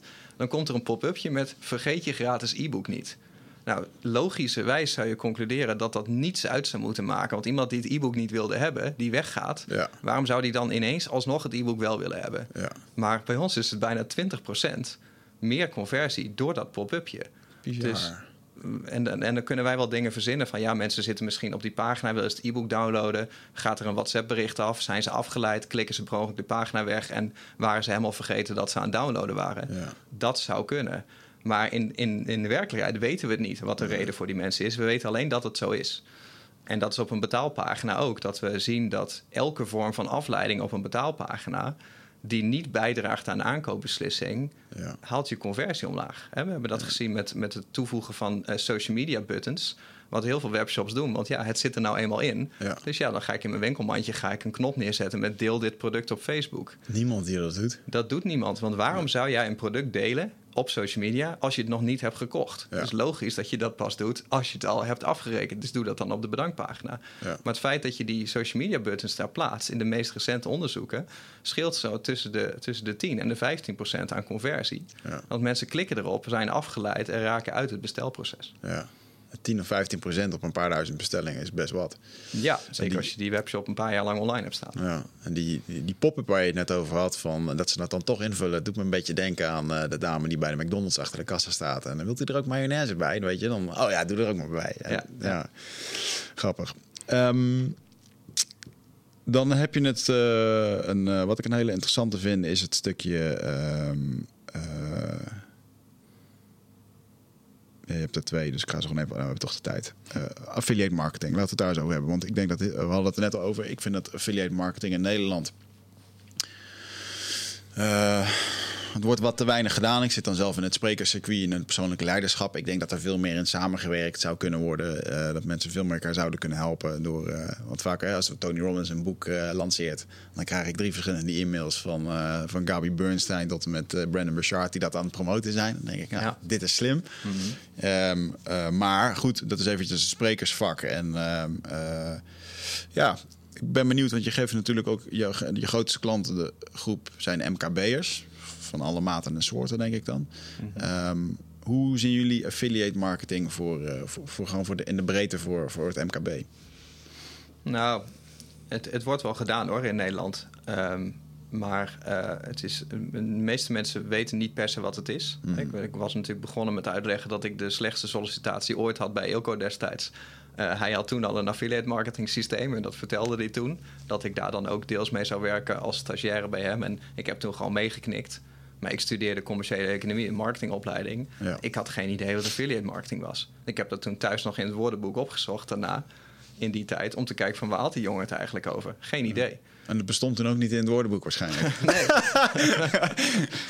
nee, dus dat heb ik echt even naar moeten zoeken. En uh, dus heel veel mensen weten het niet. Ik merk wel als ik het aan ondernemers uitleg, of als mensen net willen starten met iets online, dat ze vaak uh, geneigd zijn om voor bijvoorbeeld dropshipping of affiliate marketing te kiezen. Want het klinkt heel makkelijk. Van ik ga dan andermans product promoten. En zet ik gewoon een paar advertenties online en dan stuur ik mijn bezoekers naar iemand anders toe. En dan krijg ik geld elke keer als iemand koopt. En, en dat is in de kern ook hoe het werkt. Alleen uh, wat zo iemand vaak vergeet, is dat uh, alleen het doorsturen van bezoekers, dat kost moeite. Dus ofwel je moet uh, heel veel content schrijven zodat je gratis in Google komt of op social media, of je moet adverteren en dan hmm. kost dat geld. Um, en dan moeten die bezoekers ook nog eens een reden hebben om het te kopen. Dus meestal als affiliate zit jij ertussen ja. uh, om iemand een aanbeveling te geven. Hè? Dus als jij nu in de podcast uh, ook een aanbeveling doet, dan zijn mensen die jou het tof gozer vinden, die denken, nou dan ga ik dat kopen, omdat jij dat zegt. Ja. En, dat, en dat is wat een affiliate doet. Dus eigenlijk is een affiliate nog steeds een ondernemer die een doelgroep moet bereiken en een doelgroep uh, warm moet maken. Ja. En dat begint nu wel een beetje te komen. Hè. Nu, uh, wij hebben dan ons affiliate systeem gelanceerd begin van het jaar. We zien toch dat er nu echt heel veel ondernemers affiliate campagnes draaien. En ook niet zo heel veel moeite hebben om onder hun klanten dat soort, uh, dat soort affiliates aan te sluiten. Dus ik heb wel, ik heb wel goede hoop. Ja, ja het, het kan een hoop opleveren. Ik weet nog dat ik voor onze uh, webshop en supplementen hebben we regelmatig contact natuurlijk met de merken. En ik weet nog dat ik op een gegeven moment een marketingmanager sprak van een, merk in Amerika. Zo, uh, die was nieuw en die stelde zichzelf voor. Ik zei, hoe ben je daar terecht gekomen? Hij zei, ja, ik draaide 500 affiliate uh, inkomsten voor hun. Dus op een gegeven moment hebben ze gewoon gevraagd of ik dan maar de marketing wilde doen. Ja, zo, wauw, dat, dat kan gewoon, weet je. En ik ik heb soms wel eens moeite met, uh, om in te schatten. Maar hoe groot is die markt in Nederland nou echt, weet je wel? Hoe, uh, want in Amerika, als daar gewoon iets lukt, uh, dan bereik je zo ontzettend veel mensen. Ten opzichte van de 17 miljoen die in Nederland zitten. Um, vind je dat Nederland groot, is Nederland groot genoeg voor, om internet-wise te kunnen slagen? Of moet je het gewoon niet vergelijken met zoiets als in Amerika? Nou, je, moet, je moet het niet vergelijken, nee. Maar het is, het is ook gewoon een totaal ander spel. Mhm. Ehm, wij zitten al tien jaar in Nederland en we hebben al tien jaar de ambitie om internationaal te gaan.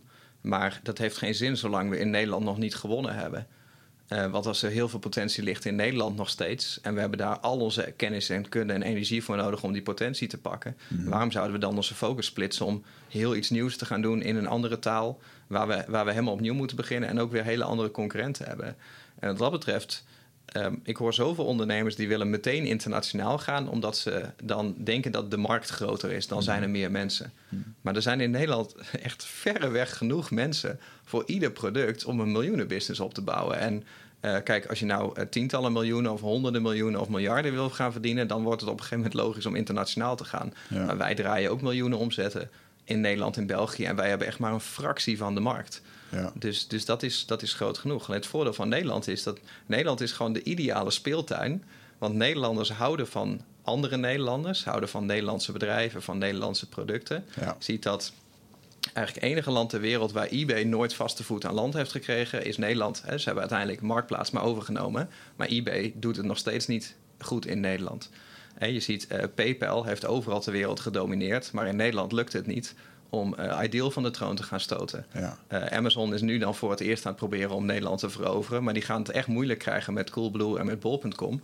Omdat Nederlanders heel trouw zijn aan, aan Nederlandse bedrijven. Ja. En dat merken wij ook. Als wij nu internationaal de concurrentie aangaan met bijvoorbeeld ClickFunnels... Hè, wat onze grootste concurrent is...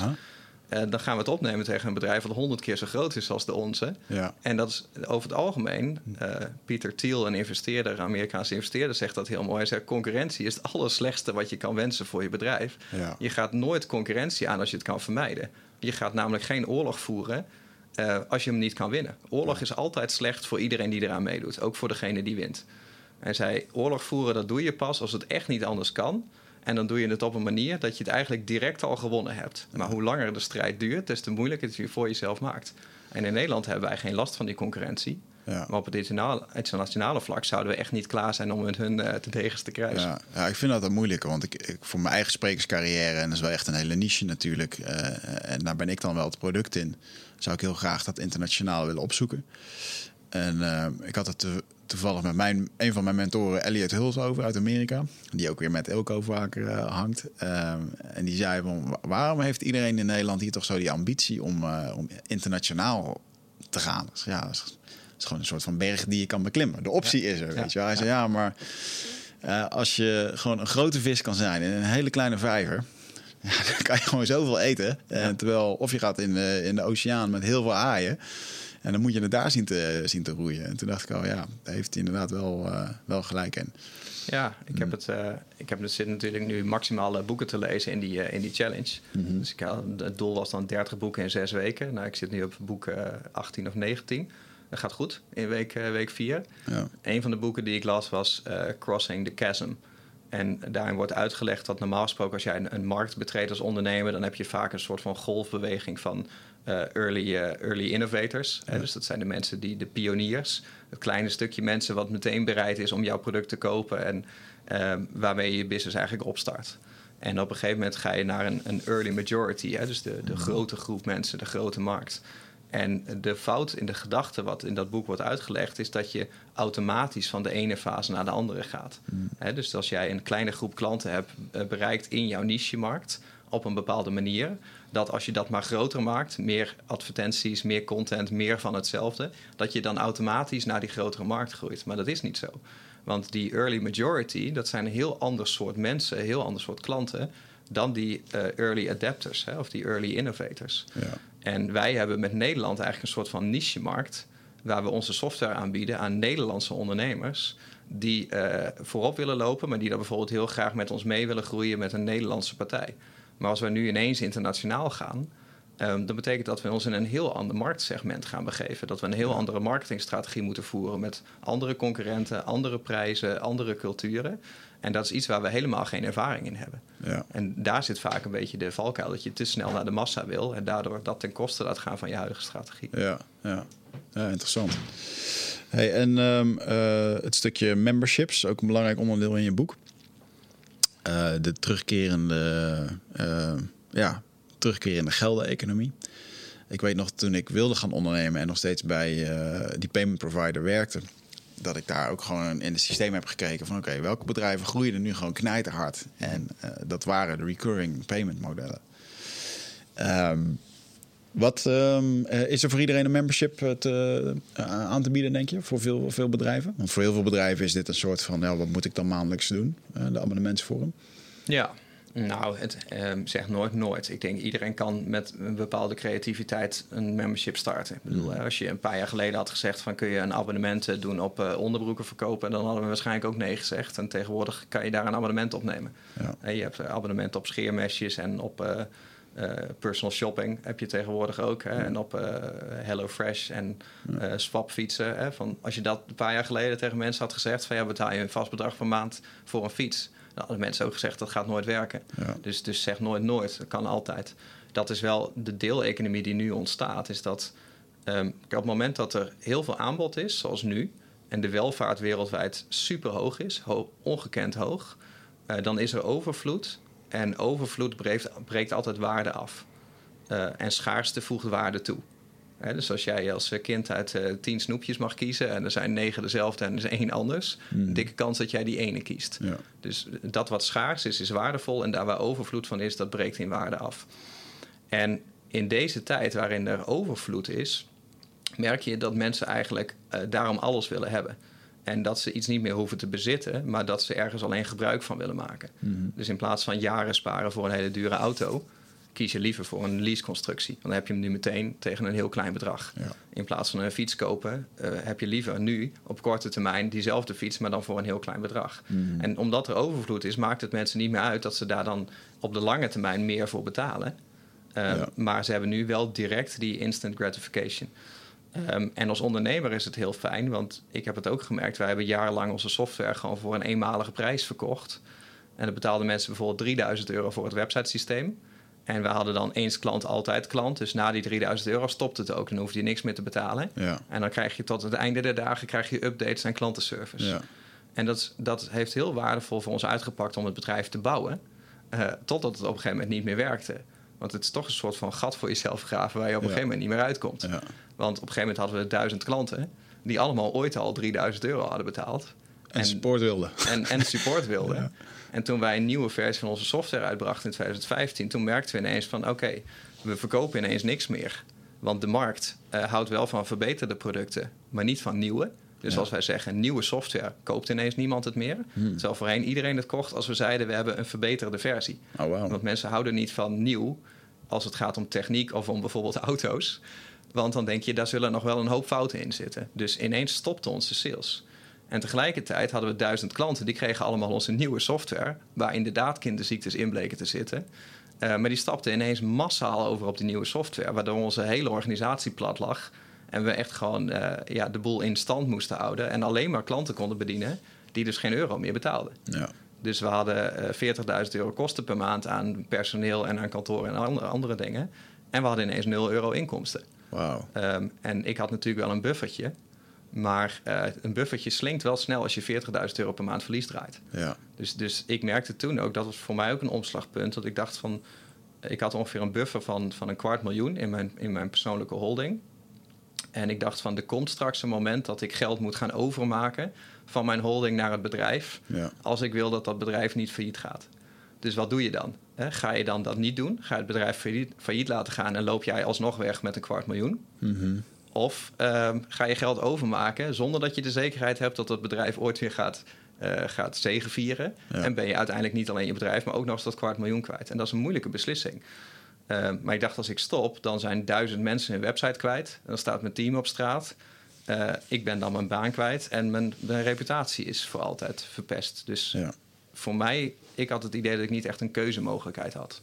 Eh, dat gaf me ook een burn-out in dat jaar. Dat ik het idee had dat ik niet die keuzemogelijkheid had. Ja. En constant die druk had.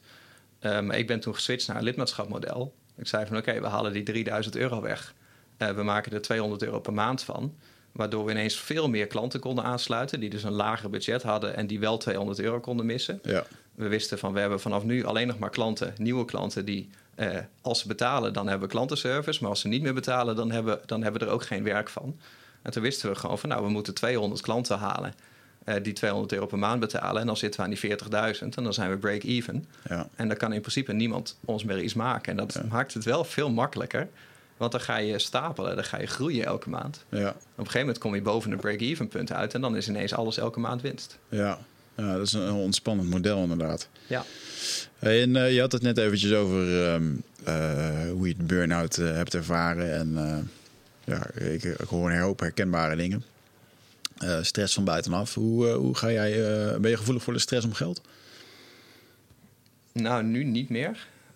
Of dat is trouwens niet helemaal waar. Ehm, destijds heel erg. In eerste instantie de vrees dat, het, dat ik failliet zou gaan. Dat, dat was de grootste stress, de financiële stress. Ik heb echt nachtenlang in Excel-sheets zitten schuiven met, eh, met fantasiecijfers die niet bestonden. Van hè, nou, hè, misschien als dit nou meevalt en als dit nou tegenvalt. En zat ik een fictieve business in een Excel-sheet. En daarmee probeerde ik mezelf dan een beetje op, eh, op de been te houden. Dat was een, he- dat was een hele erge stress.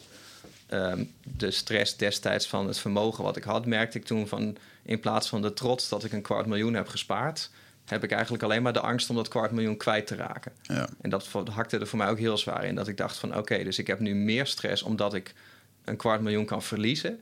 Dan dat ik stress had gehad als ik dat kwart miljoen niet had gehad. Want dan had ik die stress dat ik het kwijt kon raken er niet ook nog eens bij gehad. Dat, dat heeft voor mij, eh, was echt een stresstest wat dat betreft. Ja. En omdat ik dat overleefd heb, is het nu makkelijker omdat ik kan vergelijken met hoe slecht het toen was. Ja. Ja. En hoeveel overvloed er nu is. Maar toch op de een of andere manier ehm, gaat dat nooit uit je systeem. Dus het maakt niet uit hoeveel we nu verdienen. In mijn hoofd is het nooit genoeg. Niet in de vorm van dat ik meer wil hebben, maar qua zekerheid. En dat Ja. ik denk van ik wil nooit meer in de problemen komen. Dus mijn buffers zijn nooit groot genoeg om die problemen te, te vermijden. Ja, ja, heel herkenbaar. Ik heb afgelopen jaar heel erg gewerkt aan het feit dat eh, als er 5000 euro op de rekening staat, dan kan ik stress hebben. Eh staat 40.000 euro op de rekening, eh, dan kan ik dezelfde armoede voelen als het ware. Ja. het is een gevoel van tekort wat je dan hebt. Maar Ja. de spanning en de... En toen ik dat op een gegeven moment besefte, ik weet nog dat er op een gegeven moment, soms dan maak je leuke, leuke smakkers, zoals je dat mag zeggen, in, in het ondernemen. En dan denk je, ah, veiligheid, weet je wel. En dan, ga- Ja. Dat heb je een week. en dan, dan, dan kruipt er toch als een soort virus dat zich voedt aan dat, aan dat gelukzalige gevoel. Dat eet het langzaam op en waardoor je weer in dat, dat armoede komt. Ja, maar het, het ene geld is natuurlijk ook het andere niet. Ik was dan, eh, begin van het jaar was ik in eh, eh, Miami op vakantie met mijn broer. En dat was precies het moment dat de corona-uitbraak de beurzen ging raken. En eh, ik, ik, had behoor- ik heb behoorlijk wat geld in aandelen. Dus toen het begon, toen verloor ik ongeveer 25.000 euro per dag. En dat was twee weken op rij. Dus eh, ik ging van, eh, van een winstmarge van eh 150.000 ging ik naar min 110.000 in twee weken tijd. Dus er Ja. verdampte gewoon een, een kwart miljoen. Ja. En dat raakte me totaal niet, omdat het fictief was. Ja. Want ik had die aandelen nog steeds. En denk, ja, ik, ik ben dat geld pas kwijt als ik die aandelen verkoop. Ja. Maar ik weet dat ik in Miami constateerde ik op een gegeven moment ook dat de cashflow op eh, de rekeningen van één van onze zes bedrijven was eh, precies op het moment van management fee uitbetaling te laag om die management fee te kunnen doen. En dat duurde drie dagen en toen was dat weer gefixt. En ik heb er een hele dag stress van gehad. Dat ik allemaal plannen had over hoe we dat bedrijf moesten aanpakken. Wat er allemaal misging. En de hele tijd, ik was samen met mijn broer de hele tijd die plannen tegen hem aanhouden. En op een gegeven moment zei hij van, hij zegt... je loopt nou echt al een week lang alle mogelijke strategieën en plannen te verzinnen... om een gat van 1000 euro te, te overbruggen... en ervoor te zorgen dat dat nooit meer kan gebeuren. Ja. Terwijl je verliest hier gewoon een kwart miljoen op hetzelfde moment... en dat raak je totaal niet. Ja. Ik denk, ja, dat is interessant, want het is gewoon ander soort geld. Dus Ja. je wil, eh, het maakt niet uit hoeveel geld je verdient. Je bent pas vrij, of financieel vrij, op het moment dat je het idee hebt dat je iets neer hebt gezet. Waarvan je denkt, vanaf nu ga ik iedere maand tenminste 1 euro meer verdienen dan dat ik die maand wil uitgeven. Dus ik hoef niet een miljoen of twee of drie miljoen te hebben, want dat kan kwijtraken en dat kan op. En daar heb ik dan de stress van. Maar als ik een machine heb gebouwd met een wederkerend inkomen. En ik weet dat dat inkomen gegarandeerd is, dat ik iedere maand zeker genoeg heb om, om van rond te kunnen komen, Mhm. dan ben je ineens financieel vrij. Ja. En het gaat dan misschien om een veel lager bedrag, maar een hele andere emotie. Ja, ja super interessant. Ik denk dat de, ik denk dat heel veel ondernemers niet weten wat hun eigen relatie met geld is. Waarom ze continu de stress om geld ervaren. Want eh, het ligt niet aan het bedrijf. Het ligt ook niet aan het aantal klanten. Het ligt ook niet aan het aantal omzet. Dat is eigenlijk de, de, de, de pleister op de wond die er al zit. En eh, eh, ja, ik adviseer dat te veel ondernemers heel graag. Ga er eens een keertje over met iemand te kletsen. Kijk eens naar die relatie van geld. Weet je wel. Waar komt het in hemelsnaam vandaan dat je zo... dat je letterlijk ziek kan worden van dat soort dingen. En daardoor stom gedrag gaat vertonen. Ja. Nu eh, zitten we in een tijdperk waar... eh, eh, je had het net over de zilverovervloed. Ik denk dat die overvloed er nog steeds is. Ik ben een groot fan van Roberto Ki- Kiyosaki, heet hij geloof ik. Kiyosaki, van Kiyosaki, van Rich Dad Poor Dad. En als ik hem hoor, eh, en zeker in Amerika, hij zegt... eh, nou, je hebt normaal wel dat de markt op en neer gaat. Hij zegt, maar ik zie het nu in de vorm van een L. Dus het ging heel goed, het gaat naar beneden. En het gaat een hele lange tijd heel slecht worden. En Wat is jouw visie? eh, eh, ja, ben ik benieuwd naar jouw visie daarop. Ja, ik, ik, ik geloof daar nooit zo in. Als ik iets heb geleerd van de afgelopen crisis. Weet je, op het moment voor de coronacrisis, toen de beurzen op een piek stonden. Toen eh, had ik al twee jaar op rij gezien dat er echt vanaf 2016 werd er al iedere dag in, op alle financiële blogs was de overheersende toon. Er kan ieder moment nu een financiële crisis aanbreken. Ja. En de reden was altijd simpel, omdat er al een tijd geen crisis is geweest. Ja. Maar niet de reden van er, is, eh, er zit een probleem in de economie. Of Nee, dus, eh, men kijkt gewoon naar de geschiedenistijd en het was gewoon weer tijd voor iets. Ja. Klopt. En de financiële crisis die we hebben gehad in 2008, die had een bepaalde aanleiding. En die aanleiding is er nu niet. Er zal nu waarschijnlijk een andere aanleiding zijn en we gaan een andere crisis krijgen. Maar zolang jij niet weet wat die aanleiding is, kan je niet zeggen dat er een crisis komt, simpelweg omdat het daar de tijd voor is. Dat is heel raar. Het is ook niet zo dat jij je hele leven gezond leeft. Dat je op een gegeven moment eh, eh, eh, doodziek wordt door een ongezonde levensstijl. Simpelweg omdat het daar de tijd voor was. Denk Ja. je? Als je maar gezonde dingen blijft doen, dan blijf je vaak ook eh, gezond. kort gezegd. Dus ik geloof daar niet zo in. En ehm, je ziet nu ook dat de paniek is natuurlijk nu over de recessie. Hè? En het wordt een tijd heel erg slecht. Maar definieer heel erg slecht. Hè? Want het is, dat is heel erg relatief. Hè? Op het moment dat jij geld in aandelen hebt zitten... ehm, en, en, en dat geld heb je niet nodig de komende tien jaar... dan mag je verwachten dat het ergens in de komende tien jaar... dat het weer minstens net zoveel waard wordt als, als dat het was. Hè? Ja. Even puur grof gezegd. Dus is het dan heel erg? Of is het dan, is het dan alleen fictief? Ja. En er wordt, er wordt zo makkelijk gezegd dat een recessie bijvoorbeeld iets vreselijks is, dat je failliet gaat in een recessie. Maar een recessie in de kern betekent simpelweg een afname van, van groei. Ja. Ja, als de groei onder een bepaald percentage valt, volgens mij eh, onder de 2% of iets dergelijks, dan heb je al sprake van een recessie. Dus Ja. zolang niemand het weet, en dat is de enige conclusie die ik na al die jaren financieel nieuws heb getrokken, niemand weet het. Maar ook echt helemaal niemand weet het. En de experts die pretenderen te weten, die vinden elke week iets anders. Ja. Dus daar kun je eigenlijk niet zo heel veel mee. Dus, dus waar je naar moet kijken is gewoon jouw eigen situatie. Ehm, en op het moment dat er een crisis komt, zoals bijvoorbeeld corona, dat je gaat kijken van Ehm, wat is het doel van dit lijden? Lijden heeft altijd een doel. Dus als jij ineens in de problemen bent gekomen met je bedrijf vanwege de lockdown, dan geeft jou dat de kans om te zien welke haarscheuren er in jouw businessmodel zitten, ja. waardoor je bedrijf niet bestand was tegen de crisis. En dan kan je wel om je heen gaan uh, schieten met hagel. Denken, oh, dan ga ik nu snel aandelen kopen. Of nu snel een online programma. Of nu snel dit, nu snel dat.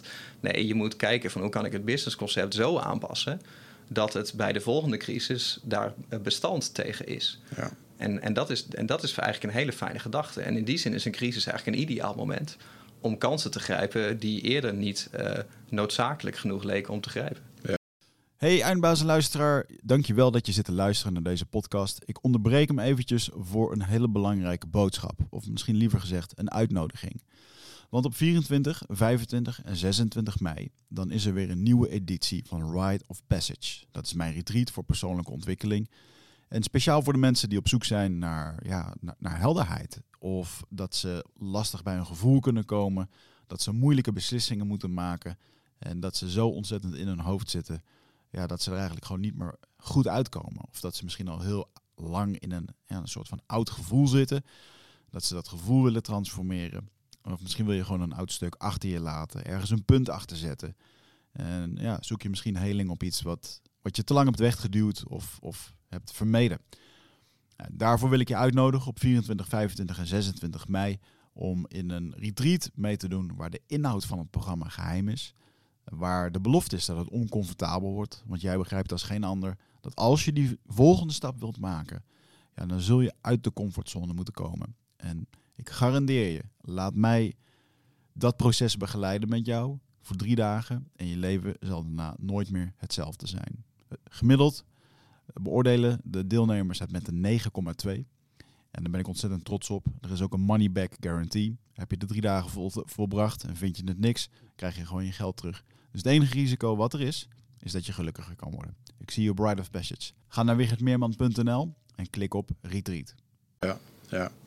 ja, ik denk dat een hele hoop bedrijven nu ook wel wakker geschud worden met waar ze inderdaad tekort kwamen. Uh, en ik, voor mijzelf was dat inderdaad op mijn online aanwezigheid voor wat ik persoonlijk doe als spreker en als in het persoonlijk leiderschapsding.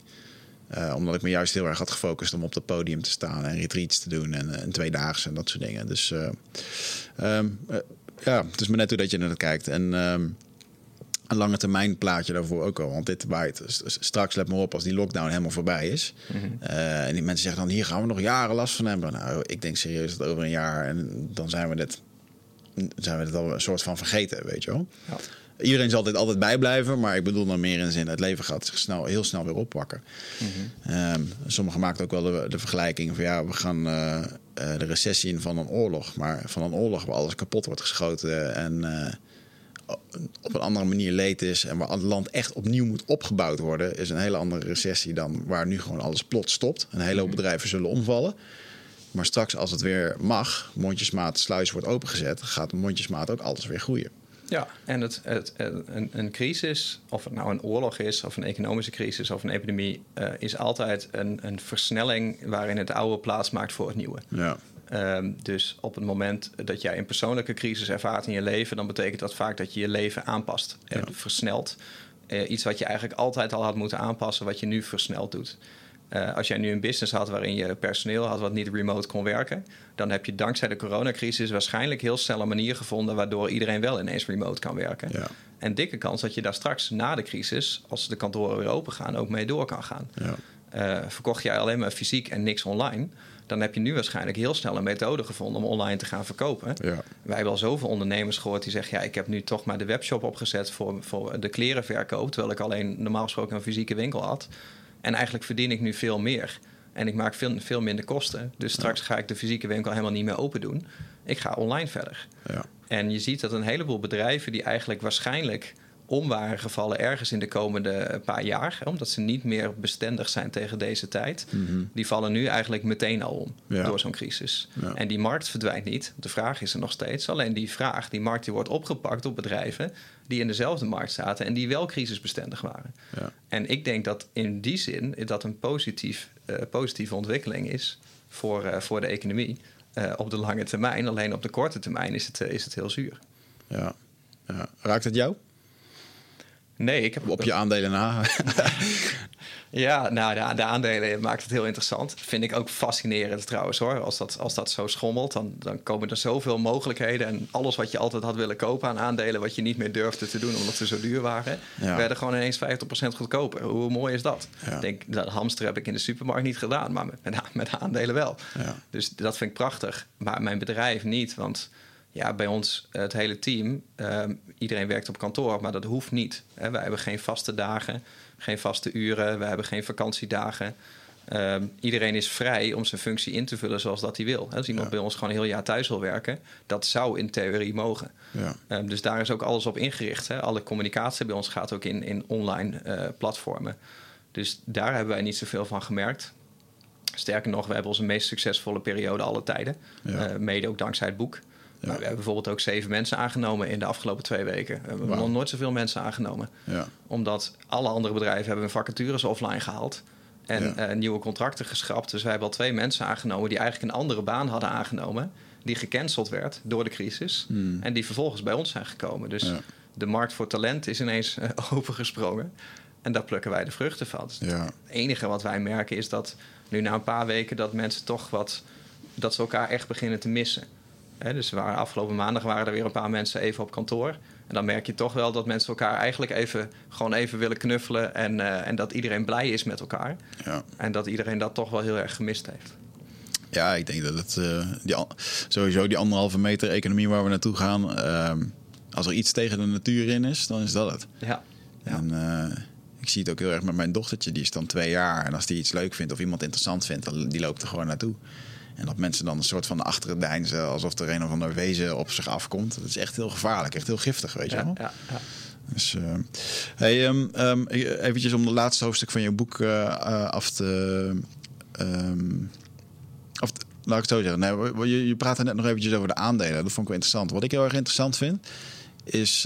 ik probeer me daar nu een beetje in te verdiepen... wat zo'n Amerikaanse overheid nu doet om zo'n markt staande te houden. Of soms lijkt het wel bewust te manipuleren en zo. En dat er gewoon een triljoen aan gel- geld wordt bijgeprint, wat er eigenlijk niet is. En dan hoorde ik van de week iets interessants. Vroeger betaalde men met zilver in Amerika, met die munten. En op een gegeven moment is dat koper geworden. En de reden was dat men zoveel zilver aan het bijdrukken was... dat het eigenlijk te duur werd om dat zilver eh, uit te geven. En je ziet nu natuurlijk ook gewoon... eh, en dat komt eigenlijk door de beslissing. Ik geloof dat in 1970, ergens rond de Vietnamoorlog... is men meer geld gaan printen dan, dan dat er goud lag in eh, Fort Knox, eh, volgens mij. Waardoor je natuurlijk onwijs inflatie krijgt. En dat, dat doet men dus eigenlijk al gewoon ja, al die jaren, bijna 30 tot 40 jaar. En dat is wel een van de redenen waarom het financieel gezien Amerika eigenlijk zo goed als bankroet is. Zo Ja. goed als failliet. Ehm, en nu wordt ook alweer gezegd, eh, oké, zo'n coronacrisis is ook wel een heel mooi rookgordijn voor de beurs, waar die echt wel op klappen stond, ook door dit soort dingen. Dat alles gewoon in de lucht wordt gehouden. Ehm, dus ik, ik, ik heb me eigenlijk het hele jaar echt zitten inlezen in beurzen en aandelen en dat soort maar in te stappen. En nu ik dit eigenlijk allemaal weet, denk ik, hmm, is dit nog wel verstandig? Ja, juist. Maar kijk, ehm, je moet je realiseren dat Nou, meer in de zin van het wordt kunstmatig hoog gehouden op, op, op een bepaalde manier die volgens mij niet houdbaar is. En Ja, daarin- de hele economie is kunstmatig. De economie is een door mensen bedacht fenomeen. Hè? En Mhm. Dus ehm, het is een, een, een imaginaire orde. Zoals eh, eh, in het boek Sapiens, ik ben even de naam van de auteur kwijt. No, eh, na, Nahari, na, ja, Novel moeilijke Nahari. naam. Ja, die noemt dat hè, in de evolutie van de mensen dat je als een bepaalde groep mensen groter wordt, Mm. dat die hiërarchie of die samenleving alleen maar in stand gehouden kan worden, of in eerste instantie door een bepaalde rangschikking. Maar als het te groot wordt voor rangschikking, dan moet je een, een imaginaire rangschikking hebben of een imaginaire orde. En dat kan bijvoorbeeld een religie zijn. Eh, maar de, de economie is in feite ook een religie. Want de economie zelf is niet iets. De economie is wat wij ervan maken. Ja. En eh, de, de, eh, valuta's. Maar geld is altijd gekoppeld geweest aan de hoeveelheid goud die er ter wereld was. Totdat volgens mij Reagan of een van de Ja, presidenten heeft die losgekoppeld van de goudprijs. Eh, waardoor er dus veel meer geld kan zijn dan dat er feitelijk goud is. En er kan dus ook veel meer geld in omloop zijn dan dat er feitelijk in contanten in banken aanwezig is. Ja. Ehm, dat, dat is een noodzaak, zeg maar, om die, om die groei mee te kunnen, te, te kunnen groeien. Ja. Maar dat betekent dus, geld heeft in principe geen waarde. Anders dan de waarde die wij eraan toekennen. Ja. Dus een aandeel in een bedrijf heeft ook geen waarde, tenzij er heel veel vraag naar dat aandeel komt. Dan krijgt een aandeel waarde. Ja. En crisises, of crisis, ja, ik weet niet wat meervoud is, crisis volgens Ja. mij. Crisis. Ik weet het ook nog niet. Crisis, een crisis. Meerdere crisissen. De crisis, die zijn er altijd geweest. Hè? Dat, dat in in, in, eh, in eh, 29 is dat geweest. De allereerste financiële crisis ooit. Gelukkig is Nederland daar de uitvinder van. Is eh, de tulpenbollencrisis geweest. Hè? Waar tulpen waren, tulpenbollen waren de eerste producten die op de beurs werden verhandeld. Ehm, waar het spel heel snel ontstond van ik koop een, een, een krat met eh, tulpen voor, eh, voor 10 eh, florijnen. En ik weet dat ik dat krat tulpen vervolgens voor 11 florijnen weer kan verkopen aan iemand anders. Ja. Waardoor het niet meer gaat om de prijs van die tulpenbollen. Maar het gaat om wat iemand anders ervoor over heeft. En op een gegeven moment betaalde je volgens mij omgerekend miljoenen voor, eh, voor, voor een doosje tulpenbollen. Totdat op een gegeven moment de markt in elkaar klapte en mensen er niet meer meer voor wilden betalen dan dat de vorige persoon ervoor had betaald. En dan heb je een economische crisis. En, en dat zie je altijd, dat de economie, economie altijd zichzelf corrigeert en de bubbel eruit haalt en het daarna weer groeit. En dat is eigenlijk de enige wijsheid die je hoeft te hebben. Dat is eigenlijk ook het principe van Buffett, van Warren Buffett. Is het, het value investing. Is dat je investeert in bedrijven niet omdat ze nu gaan stijgen of volgende week gaan stijgen of het komende jaar. Maar bedrijven waarvan jij denkt, die zou ik misschien wel mijn hele leven willen hebben. Eh, en ik weet eigenlijk vrij zeker dat dit bedrijf er over 30 jaar nog steeds is. En dat het bedrijf op dat moment meer waard is dan dat het nu is. Ja. Dat is net als met vastgoed. Hè. Je kan nu eh, een huis in Amsterdam kopen in de hoop dat het volgend jaar meer waard is. Maar je weet eigenlijk vrij zeker dat als Nederland niet overspoeld raakt door water, dat over 30 jaar de, dus de huizen in Amsterdam meer waard zijn dan dat ze nu waard zijn. Ja. En met die gedachte is het heel eenvoudig risico's nemen. Want je weet, het enige wat ik nodig heb is ten eerste eh, tijd. Eh, ten tweede geduld. En ten derde resources, dus geld in dit geval. Wat ik die jaren niet nodig heb voor iets anders. Anders dan het te laten groeien in deze beurs. Ja. En het leuke vind ik, ik las laatst ergens een artikel en ik heb het niet nagerekend hoor, dus ik weet niet of het klopt. Maar er was een, een schrijver die had gesteld dat bijvoorbeeld Donald Trump, die claimt eh 7, miljoen, 7 miljard waard te zijn. Eh, in feite blijkt dat ongeveer eh 2,5, 3 miljard te zijn, want hij telt altijd de waarde van al zijn vastgoed bij elkaar op, ook al bezit hij maar een percentage van dat vastgoed. Aha. Maar laten we zeggen dat het 3 miljard is. Ehm, en je kijkt naar het bedrag wat hij van zijn vader heeft geleend toen hij begon met zijn business in vastgoed. Als hij dat bedrag destijds in de Amerikaanse SP 500 had gestopt. Ja. En hij had helemaal niets anders gedaan in zijn leven, anders dan afwachten wat er met dat geld gebeurt. Dan was hij nu rijker geweest dan dat hij nu daadwerkelijk is. Ja. Dus 60 jaar eh, handelen, 80 uur of 100 uur werkweken maken, eh, jezelf vreselijke dingen aandoen, heeft dus minder opgeleverd dan dat je al die jaren niets had gedaan en gewoon had afgewacht. Ja. En dat, dat is een interessant, dat is een hele geruststellende gedachte als je wil gaan investeren. Ja. Zolang je de tijd hebt en het geld over hebt, dan zit er heel weinig ris- risico aan. Ja. ja. En het geduld hebt. En, eh, en niet in iets investeert waar je geen verstand van hebt. Ja, klopt. Want dat is nu ook... eh, Oh, de bitcoin. Weet je wat? Weet je wat toen die bitcoin zo steeg? Dat mensen gewoon eh creditcard leningen trokken in Amerika van 30.000 euro... om drie van die bitcoins te kunnen kopen en zo. En dan Ja. nou ja, dat, dat, het weer. Dat, dat, kijk, dat principe gaat niet op, want dat is een loterij. Want niemand weet wat daarmee gaat gebeuren. Mhm. Een bitcoin heeft geen waarde, anders dan de waarde die wij eraan toekennen. Ja. Een aandeel Tesla kan misschien te veel waard zijn, omdat mensen verwachten eh, dat het bedrijf 100 keer zo groot wordt. En daarom zou de waarde van het aandeel nu misschien te hoog zijn. Ja. Want als het bedrijf niet 100 keer zo groot wordt, dan klopt die waarde dus niet. Maar daarbij moet je wel realiseren dat Tesla nog steeds een fabriek heeft en mensen heeft en intellectueel eigendom heeft, Ja. producten en daadwerkelijk omzet maakt. Ja. Ehm, dus je kan bij bedrijven altijd zien van in hoeverre is er daadwerkelijk een, een, eh, een waarde aanwezig. Net als KLM. Ik bedoel, eh, KLM is nu minder waard dan wat je zou krijgen als je alle vliegtuigen zou verkopen. Ik denk Ja. dat, dat klopt niet met elkaar. Ja. Dus, dus daar kan je redelijk veilig in investeren. Want al, al zouden ze zo'n beetje failliet gaan, dan is alleen al de waarde van de inboedel is al meer waard dan wat, een, wat de aandelen nu bij elkaar waard zijn. En eh, dat maakt het interessant. Dus, dus je moet af van de speculatie en gewoon meer kijken naar wat is een bedrijf daadwerkelijk waard en hoe groeit dat door de jaren heen.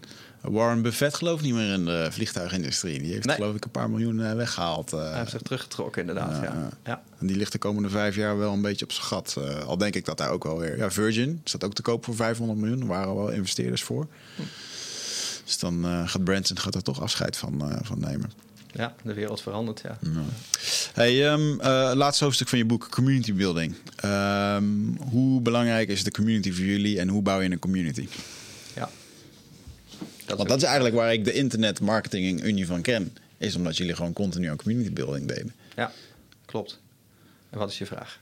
Nou, eh, hoe zie jij community building? Wat is jouw visie daarop?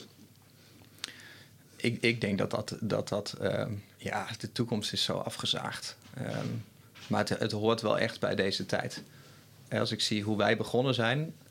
Eh, vroeger was het echt, eh, zeg maar, het, de eerste versie van het web was een beetje eenrichtingsverkeer. Hè? Van ik zet een website online en ik zet daar informatie op en dat kan iemand dan lezen. Web 1.0. Ehm, en Web 2.0 werd meer tweerichtingsverkeer. Van ik zet een blogje online, dat kan iemand lezen, maar die kan daar ook een reactie op typen, zodat er twee richtingen verkeer komen. Ik kan met mensen in gesprek. En Web 3.0 is eigenlijk het social media tijdperk hè, van de social media platformen waar heel veel mensen met elkaar in contact komen ehm, en, en daardoor een ex- extreme groei ontstaat. En wij hebben dat ook gezien dat we eh, bijvoorbeeld vroeger deden wij klantenservice gewoon via de mail. Hè. Dus iemand had onze software en die stuurde een mail met een vraag. En ik merkte op een gegeven moment van ja, ik zat gewoon, toen was ik nog alleen, zat ik gewoon negen uur per dag klantenservice te doen voor mijn software. En ik dacht, ja, dit is niet het leven van een vrije internetondernemer, zoals ik dat bedacht had. En ik ben daar ook niet goed in. Ik ben geen goede klantenservice medewerker. Ik krijg altijd meteen bonje met mensen. Ik, ik, ik, ik kan ook niet goed luisteren. Ik wil altijd mijn zin doorduwen, dus ik moet dat helemaal niet doen. Dus op een gegeven moment dacht ik van, eh, ik open gewoon een Facebookgroep. En dan voeg ik al die klanten daarin toe. En dan elk mailtje wat ik krijg, zeg ik gewoon van... hey, zou je je vraag in de Facebookgroep willen stellen? Ja. Dan ga ik hem daar beantwoorden. Ehm, en mocht je een vraag zien van iemand anders... die jij kan beantwoorden, zou ik het heel erg waarderen als je dat zou willen doen. En eh Warempel ging gewoon iedereen dat doen. Dus er verdween gewoon 90% van mijn klantenservice binnen een dag. Ik heb toen echt nog de hoster gebeld van... volgens mij is de e-mail stuk, want ik krijg bijna geen e-mails binnen. Maar dat, dat klopte. En die vragen stonden allemaal in die community. En mensen waren allemaal op elkaar aan het reageren en elkaar aan het helpen. En je zag ook dat mensen er echt sport van maakten om zoveel mogelijk vragen te beantwoorden. Dat ze dat tof vonden om anderen te helpen. En ik hoefde alleen maar de antwoorden te controleren en datgene bij te voegen wat ik nodig eh, achtte. En wij hebben dat verder doorgetrokken door later te zeggen van nou, Facebookgroep is te druk en te onoverzichtelijk. En we weten ook niet wat er met Facebook gaat gebeuren. En hè, een groepje is maar een klein radertje in het geheel. Dus hebben we ons eigen community platform dan gebouwd, Huddle. Daar was vervolgens weer zoveel vraag naar van onze klanten die zeiden van wij willen ook gewoon zo'n zo'n eigen Facebook hebben eh, met onze eigen klanten en onze eigen community. Dus toen hebben we Huddle in de markt gezet. En er zijn nu eh, tussen de 500 en de 600 communities online. En daar zitten in totaal zitten daar meer dan een half miljoen gebruikers in. Bizar, in, eh meest in Nederland en, eh, en België. Ja, en het zijn allemaal dingen als... ja, wij leren mensen aan online marketing. Maar we hebben ook de Breiklub, hè, waar je dus in contact komt met andere mensen die leren breien. We hebben gitaarlessen, pianolessen. Eh, we hebben zelfs de Bijenclub. Hè, dus dat is iemand die leert jou hoe je zelf eh, imker kan worden. Oh, wow. En daar zitten dan video's in van, nou, hè, hoe bouw je nou zo'n bijenkorf op en hoe kan je honing eh, oogsten en hoe kan je dat dan verkopen en dat soort dingen. Maar er zitten dus allemaal imkers in die community. En alleen maar imkers die het daar dus met elkaar over hebben. Ja. En dat is volgens mij een beetje de toekomst. Dat zeg maar de, de grote sneeuwbal, het grote Facebook waar iedereen op zit. Op een gegeven moment wordt het zo groot dat die kritische massa die sneeuwbal doet splijten. Ja. En dan gaan mensen willen af van de massa en alles. En die willen dan naar een groep toe met alleen maar gelijkgestemden.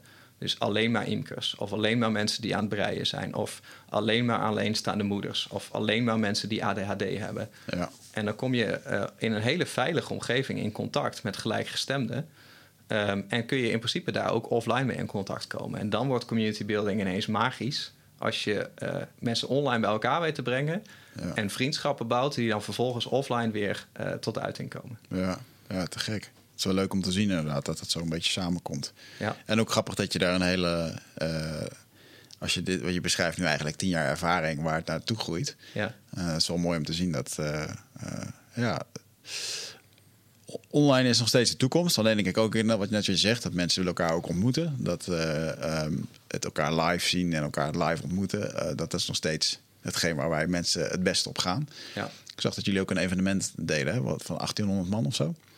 Vorig jaar, ja. Avond Circus Theater. Ja. Ja, klopt. En, uh, uh, en uh, het Circus Theater.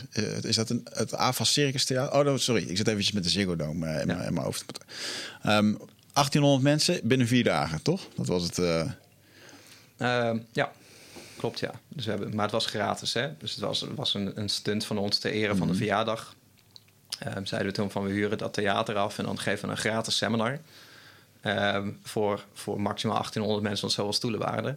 Nou, dat was in vier dagen was dat, uh, was dat gevuld.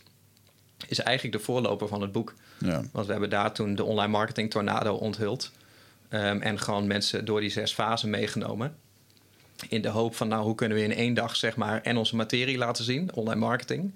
Uh, en onze tools daarbij aanbieden. Ja. En tegelijkertijd toch ook wel iets van ons uh, bedrijf vertellen. En dat was een, best wel een uh, ambitieus plan voor één dag. Mhm. Is, best, is best wel goed gegaan, maar het heeft ook echt onze organisatie zo vreselijk op zijn kop gezet. Dat ik denk, ja, dat, dat gaan we ook niet weer doen. Ja. Vind je het leuk om op het podium te spreken? Ja, zeker. Maar het is wel veranderd. Uh, ik, ik vond het vroeger, uh, toen ik begon met spreken, toen, toen, toen, was ik meer een informatieve spreker. Hè? Dus mm -hmm. mensen praktisch uitleggen van hoe bouw je een website, hoe kom je hoger in Google, um, stap voor stap. En uh, dat kreeg ik ook altijd terug van mensen die zeiden van nou, ik vond het heel informatief en ook altijd was heel veel informatie. En dan zag ik meestal dat mensen het heel waardevol vonden, maar er uiteindelijk niks mee gingen doen. Mm. Um, en ik heb toen heel erg geprobeerd om iets meer informatie om te ruilen voor inspiratie. Van, um, ik moet mensen eigenlijk alleen in beweging zetten.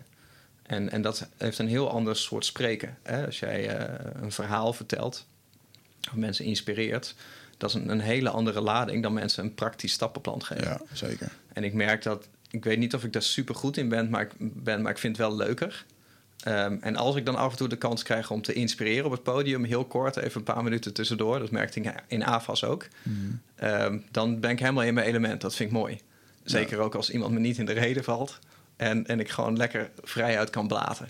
Mm. En, en als er dan soms vragen komen van ja, maar uh, als ik nou een webshop en een website heb, hoe, hoe koppel ik dat dan aan elkaar? Dan, dan, ja, dan, dan sla ik echt, echt dicht tegenwoordig. Hè? Dan, dan vloeit echt de energie, rolt mijn broekspijp uit. Ja. Terwijl dat eigenlijk mijn kern is.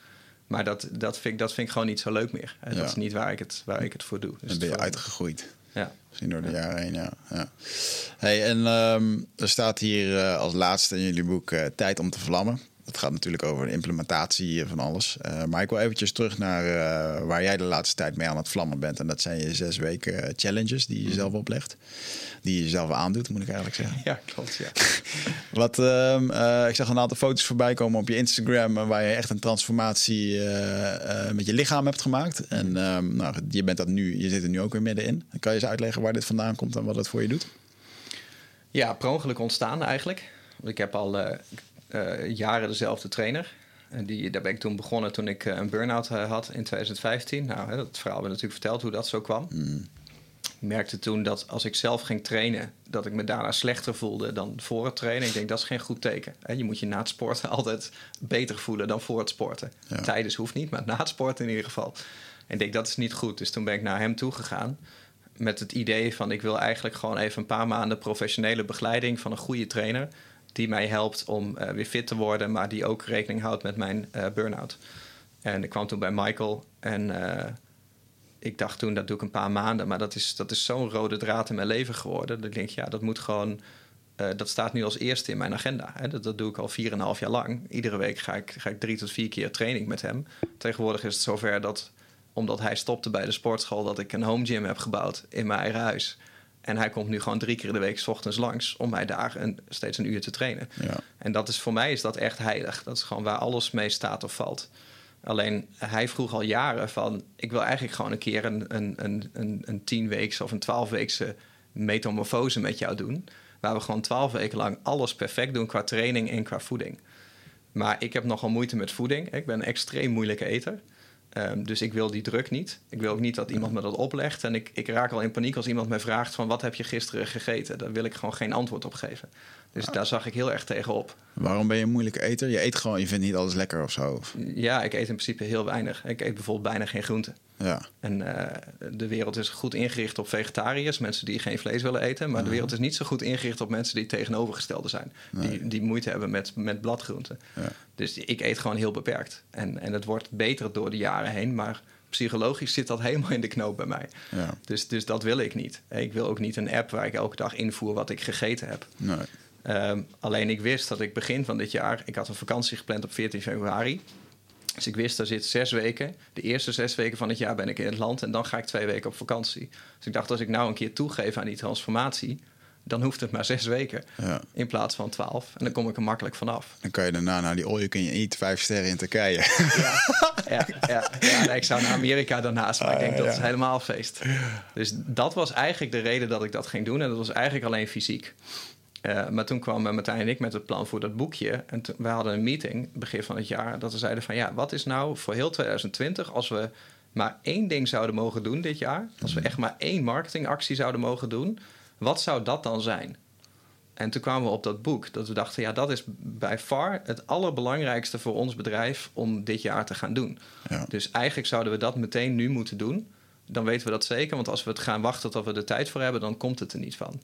Dus toen dacht ik van ja, ik ga toch zes weken lang uh, een fitness challenge doen. Dan maak ik er een combi van. Dan ga ik uh, fysiek en mentaal. Dus zes weken trainen, uh, droog trainen en zes weken lang in zes weken dat boek schrijven.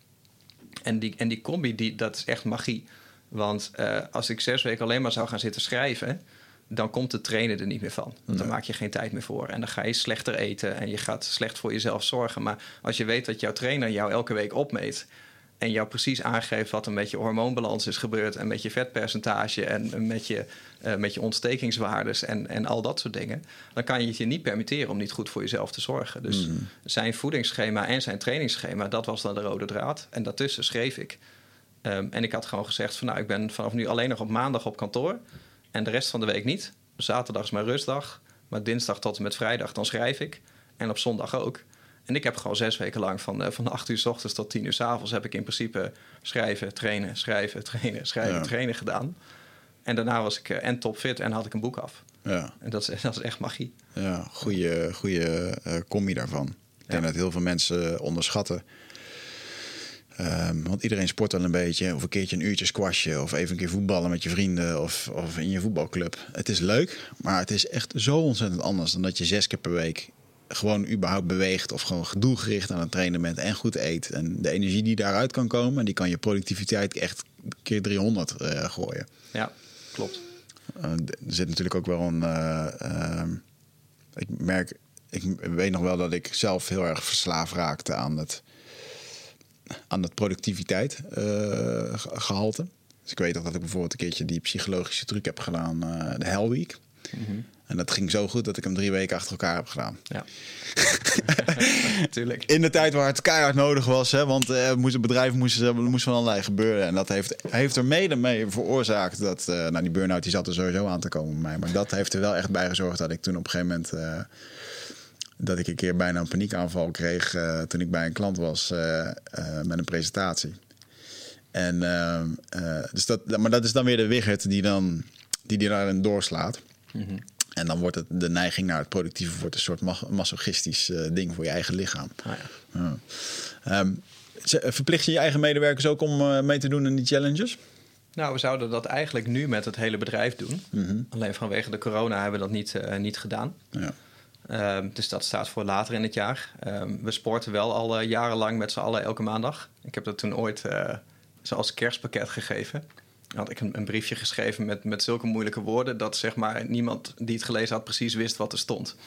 En, dat, en dan kijken van hoe gaan ze nou reageren. en het stond dan dat ze kregen dan zeg maar 52 weken elke week personal training met de hele groep. Maar dat stond er dan als iets van uh, uh, te verstrekken 52 eenhouden, uh, somatisch onderhoud en fysiologisch welbehagen of zo. Zoiets stond er dan in.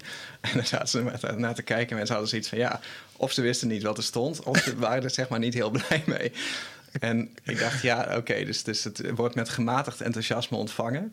Maar we hebben toen gewoon gezegd van we gaan elke maandag tussen vier en vijf gaan we trainen naast kantoor. Uh, dus dat is in de basistijd. Uh, meedoen is niet verplicht, maar het kan wel zijn dat we je een beetje belachelijk maken als je niet meegaat. Ja. En, Lichte uh, druk. Ja, en dan gaan mensen gaan toch wel mee. En in het begin toch met een beetje weerstand. Maar dan zie je toch al heel snel dat, omdat mensen dat op maandag doen, je hebt geen excuus om niet mee te gaan, want dat uur moest je sowieso eigenlijk is iedereen op kantoor. Dus er is, niemand heeft een reden van dan kan ik niet.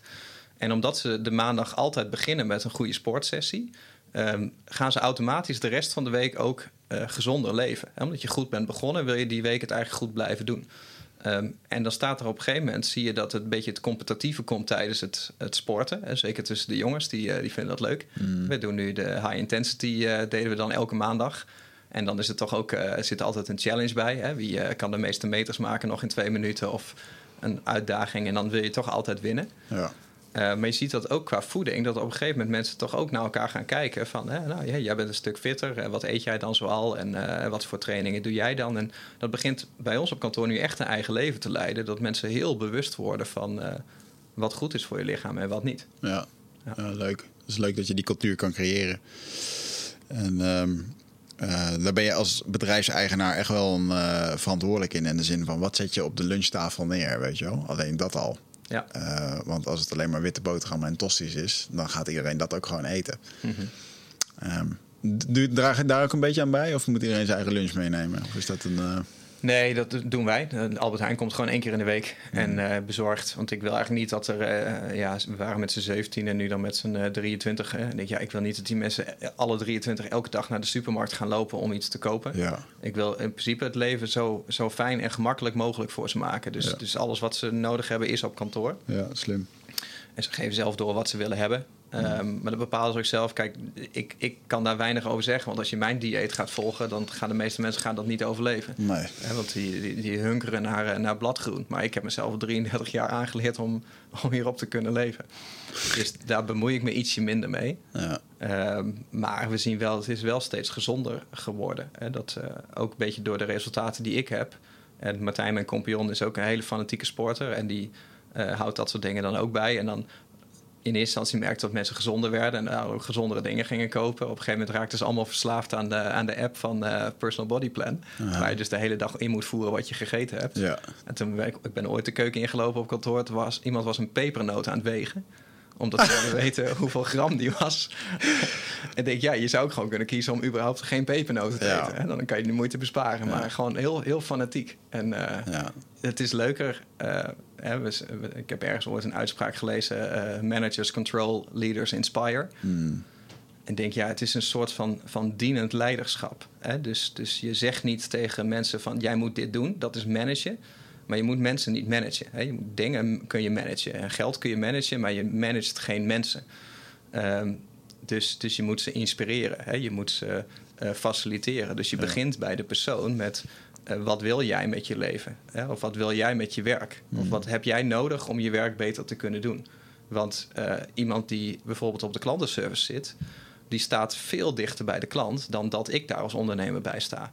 Dus het, in plaats van dat ik tegen die klantenservice medewerker ga zeggen van jij moet je werk zo doen om onze klanten beter te helpen, dat zou heel raar zijn, want hij staat aan het front of zij. Ja. Dus het is logisch dat diegene tegen mij zou zeggen van uh, op basis van wat ik weet en hoe ik werk, heb ik dit en dit nodig om mijn werk beter te kunnen doen. En dat zit hem soms in geld, soms in de vrijheid om andere uren te maken, soms in andere taken. Maar dat kan ook persoonlijke groei zijn. Uh, of uh, dus, dus fysieke ontwikkeling of mm. betere gezondheid. Het enige nadeel is dat niet iedereen uh, buiten zijn eigen referentiekader kan denken. Hè, dus, dus ik weet wel wat misschien gezonder is voor iemand, maar dat betekent niet dat die persoon dat zelf ook weet. En door tegen die mensen zeggen van jullie moeten allemaal gezonder gaan leven en ik heb dit eten voor jullie gekocht en daarom moeten jullie dit nu eten, ja. dan gaan mensen dat niet doen. Maar ik kan wel een voorbeeld geven door te laten zien wat voor mij werkt en het daar veelvuldig over te hebben hoe goed mij dat bevalt. In de hoop dat iemand het op een gegeven moment gaat overnemen en aan mij aangeeft van ik zou ook wel zo willen eten of zou willen trainen. Ja. Uh, kun je dat faciliteren met het bedrijf? Dat is ja. een hele andere volgorde. Ja, ja, zeker wel. Ja, mooi dat je er zo mee bezig bent. Hoe voel je je nu? Ja, goed. Ja, lekker, uh, lekker fit. Want waar zit je nu middenin? Week 4 van de challenge nu. Mm. Dus uh, lekker getraind de afgelopen vier weken. Qua fitness lig je lekker op schema. En dus moet, zondag moet ik het twintigste boek uit hebben. En dan zijn er nog tien te gaan in de laatste, laatste twee weken. Want de challenge die ik nu doe is dus trainen en uh, 30 boeken lezen in Ja. zes weken in plaats van een boek schrijven. Ja. Dat is weer een heel ander soort uitdaging. Ja. Hoe, eh, hoe, hoe gaat het? eh, hoe, welke methode heb je voor het speedreaden? Eh, geen. Ik hou niet van speedreaden. Oké. Ik heb het ooit eh, geleerd. Ehm, ik vond het echt vreselijk. Mhm. Ik denk, het is, dat is voor mij geen ontspanning. Dat is echt werken. En eh, ik doe de challenge nou juist ook omdat ik het, plezier in het lezen wil vinden. En kijk, het gaat er niet om dat je een challenge neerzet van... ik moet 30 boeken hebben gelezen in zes weken... zodat mensen mij daar complimenten voor geven. Mhm. Het gaat erom dat je realiseert dat een nieuwe gewoonte... vaak zes weken minimaal nodig heeft om tot een gewoonte te, te worden gemaakt. En als jij zes weken lang non-stop, dus niet alleen door de week en dan in het weekend niet, maar zes weken lang iedere dag diezelfde gewoonte doet, dan wordt het een soort van nieuw eh karrenspoor in je brein. En we noemen dat, dat neuroplasticiteit, dus andere paden in je brein. Als jij eh, eh, zes weken lang elke dag op de fiets naar dezelfde route naar kantoor bent gefietst, en, en, je, en eh, in week 7 op de eerste dag ben je vrij en je wil heel ergens anders naartoe en je let even niet op, dan fiets je per ongeluk zo naar kantoor toe. Want je zit in het karrenspoor. En als je daaruit wil, uit je oude gewoontes, dan moet je een nieuw pad inslijten. En dat kost tijd en dat kost oefening. Dus ik weet, als ik zes weken lang me erop focus om eh, eh, die boeken te lezen, dus, dus ongeveer eh, 0,7 boek per dag, ehm, dan wordt dat lezen wordt een heel ander soort gewoonte. Maar als ik dat vol wil houden, dan moet het wel een prettige gewoonte zijn. Dus dan moet ik er niet tegen opzien. Ja. Dus, dus daarom doe ik niet speedreaden, maar eh, probeer ik de ontspanning en het genot daarin te vinden. Ja. En ik heb gemerkt dat speedreaden hoeft ook helemaal niet. Ehm, het gaat namelijk om het inplannen van tijd dat je leest Mhm. en dat je je in die tijd niet af laat leiden. Mhm. Dus als ik eh, s ochtends direct uit bed nog niets anders doe en ik ben helemaal blanco en ik ga dan een uur lezen en het is Nederlands, dan kan ik zo bijna 100 pagina's in een uur lezen. Maar als ik dat later op de dag doe en ik heb al heel veel input gehad die dag, dan, dan daalt het. Dan, dan gaan er zo 20 pagina's vanaf. Ja. Als ik eh, een half uur ga lezen en ik heb bijvoorbeeld mijn telefoon aanstaan of ik hoor ergens via de computer een WhatsApp geluidje, dan gaan mijn gedachten meteen naar dat geluid met wie zou dat zijn? Wat Ja. zou dat zijn? En dat draag ik pagina's lang met me mee. Ja. Waardoor ik niet meer weet wat er staat en het weer opnieuw moet gaan lezen. Ja. En ik heb gemerkt van ja, echt een uur in totale afzondering lezen, ga, ga je extreem snel. Zeker als je dat weken achter elkaar doet. En dus ik heb gisteren voor het eerst gewoon een boek, een heel boek gelezen in twee uur tijd. Dat heb ik nog nooit meegemaakt. En dat is zo, zo gaaf dat dat kan. Voorheen nou, zou ik daar een week voor nodig hebben gehad. Ja. En dat is nu al iets wat ik, ben, wat ik mijn hele leven mee ga nemen, deze, deze zelfkennis. Ja, mooi. Ja, ik denk dat trainen van focus en eh, eh, dat boek eh, van Cal Newport legt dat mooi uit, hè? Deep Work. Ja. Waarin, waarin dat, dat WhatsAppje, dat geluidje, dat tingeltje, dat, dat trekt je reservebatterij voor de volgende focus taak al echt helemaal weg. Ja, klopt.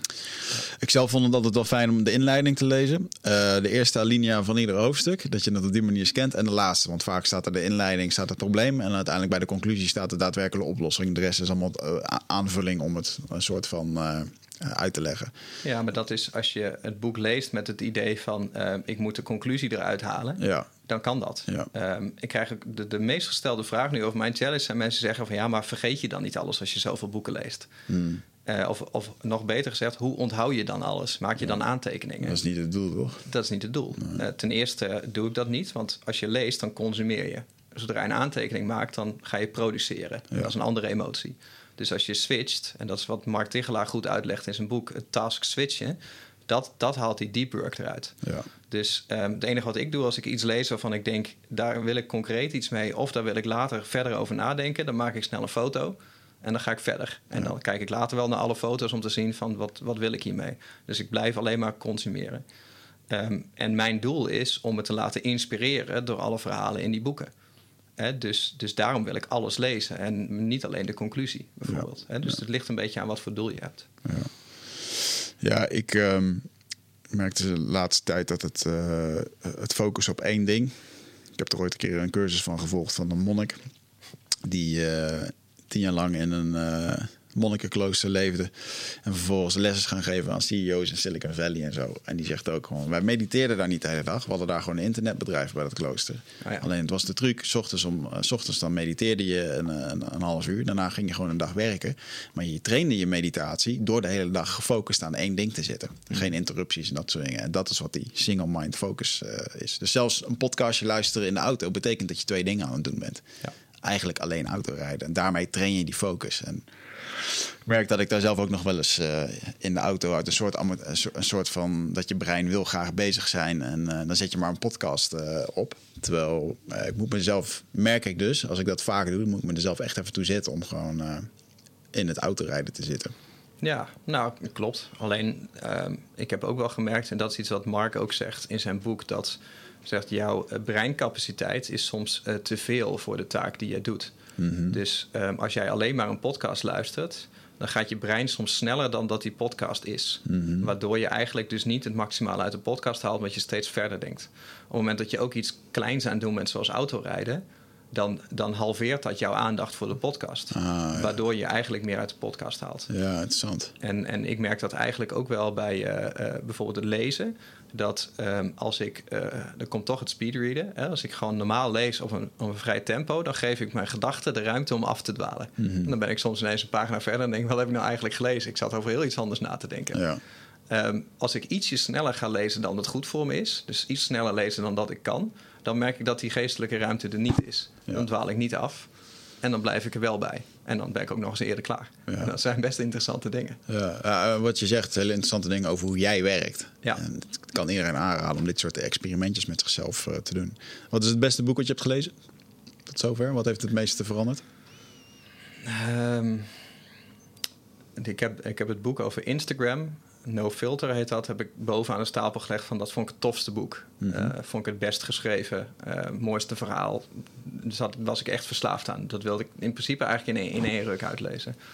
Uh, maar je kan natuurlijk niet alle boeken met elkaar vergelijken. Hè, want dat is echt een ondernemersverhaal. En ik heb nu ik heb het boek van Instagram gelezen en die over Square en die over Spotify en over Netflix mm -hmm. um, en over Tesla. En dan zie je dat als je die vijf boeken achter elkaar leest, dat steeds dezelfde namen en dezelfde investeerders, die komen steeds terug.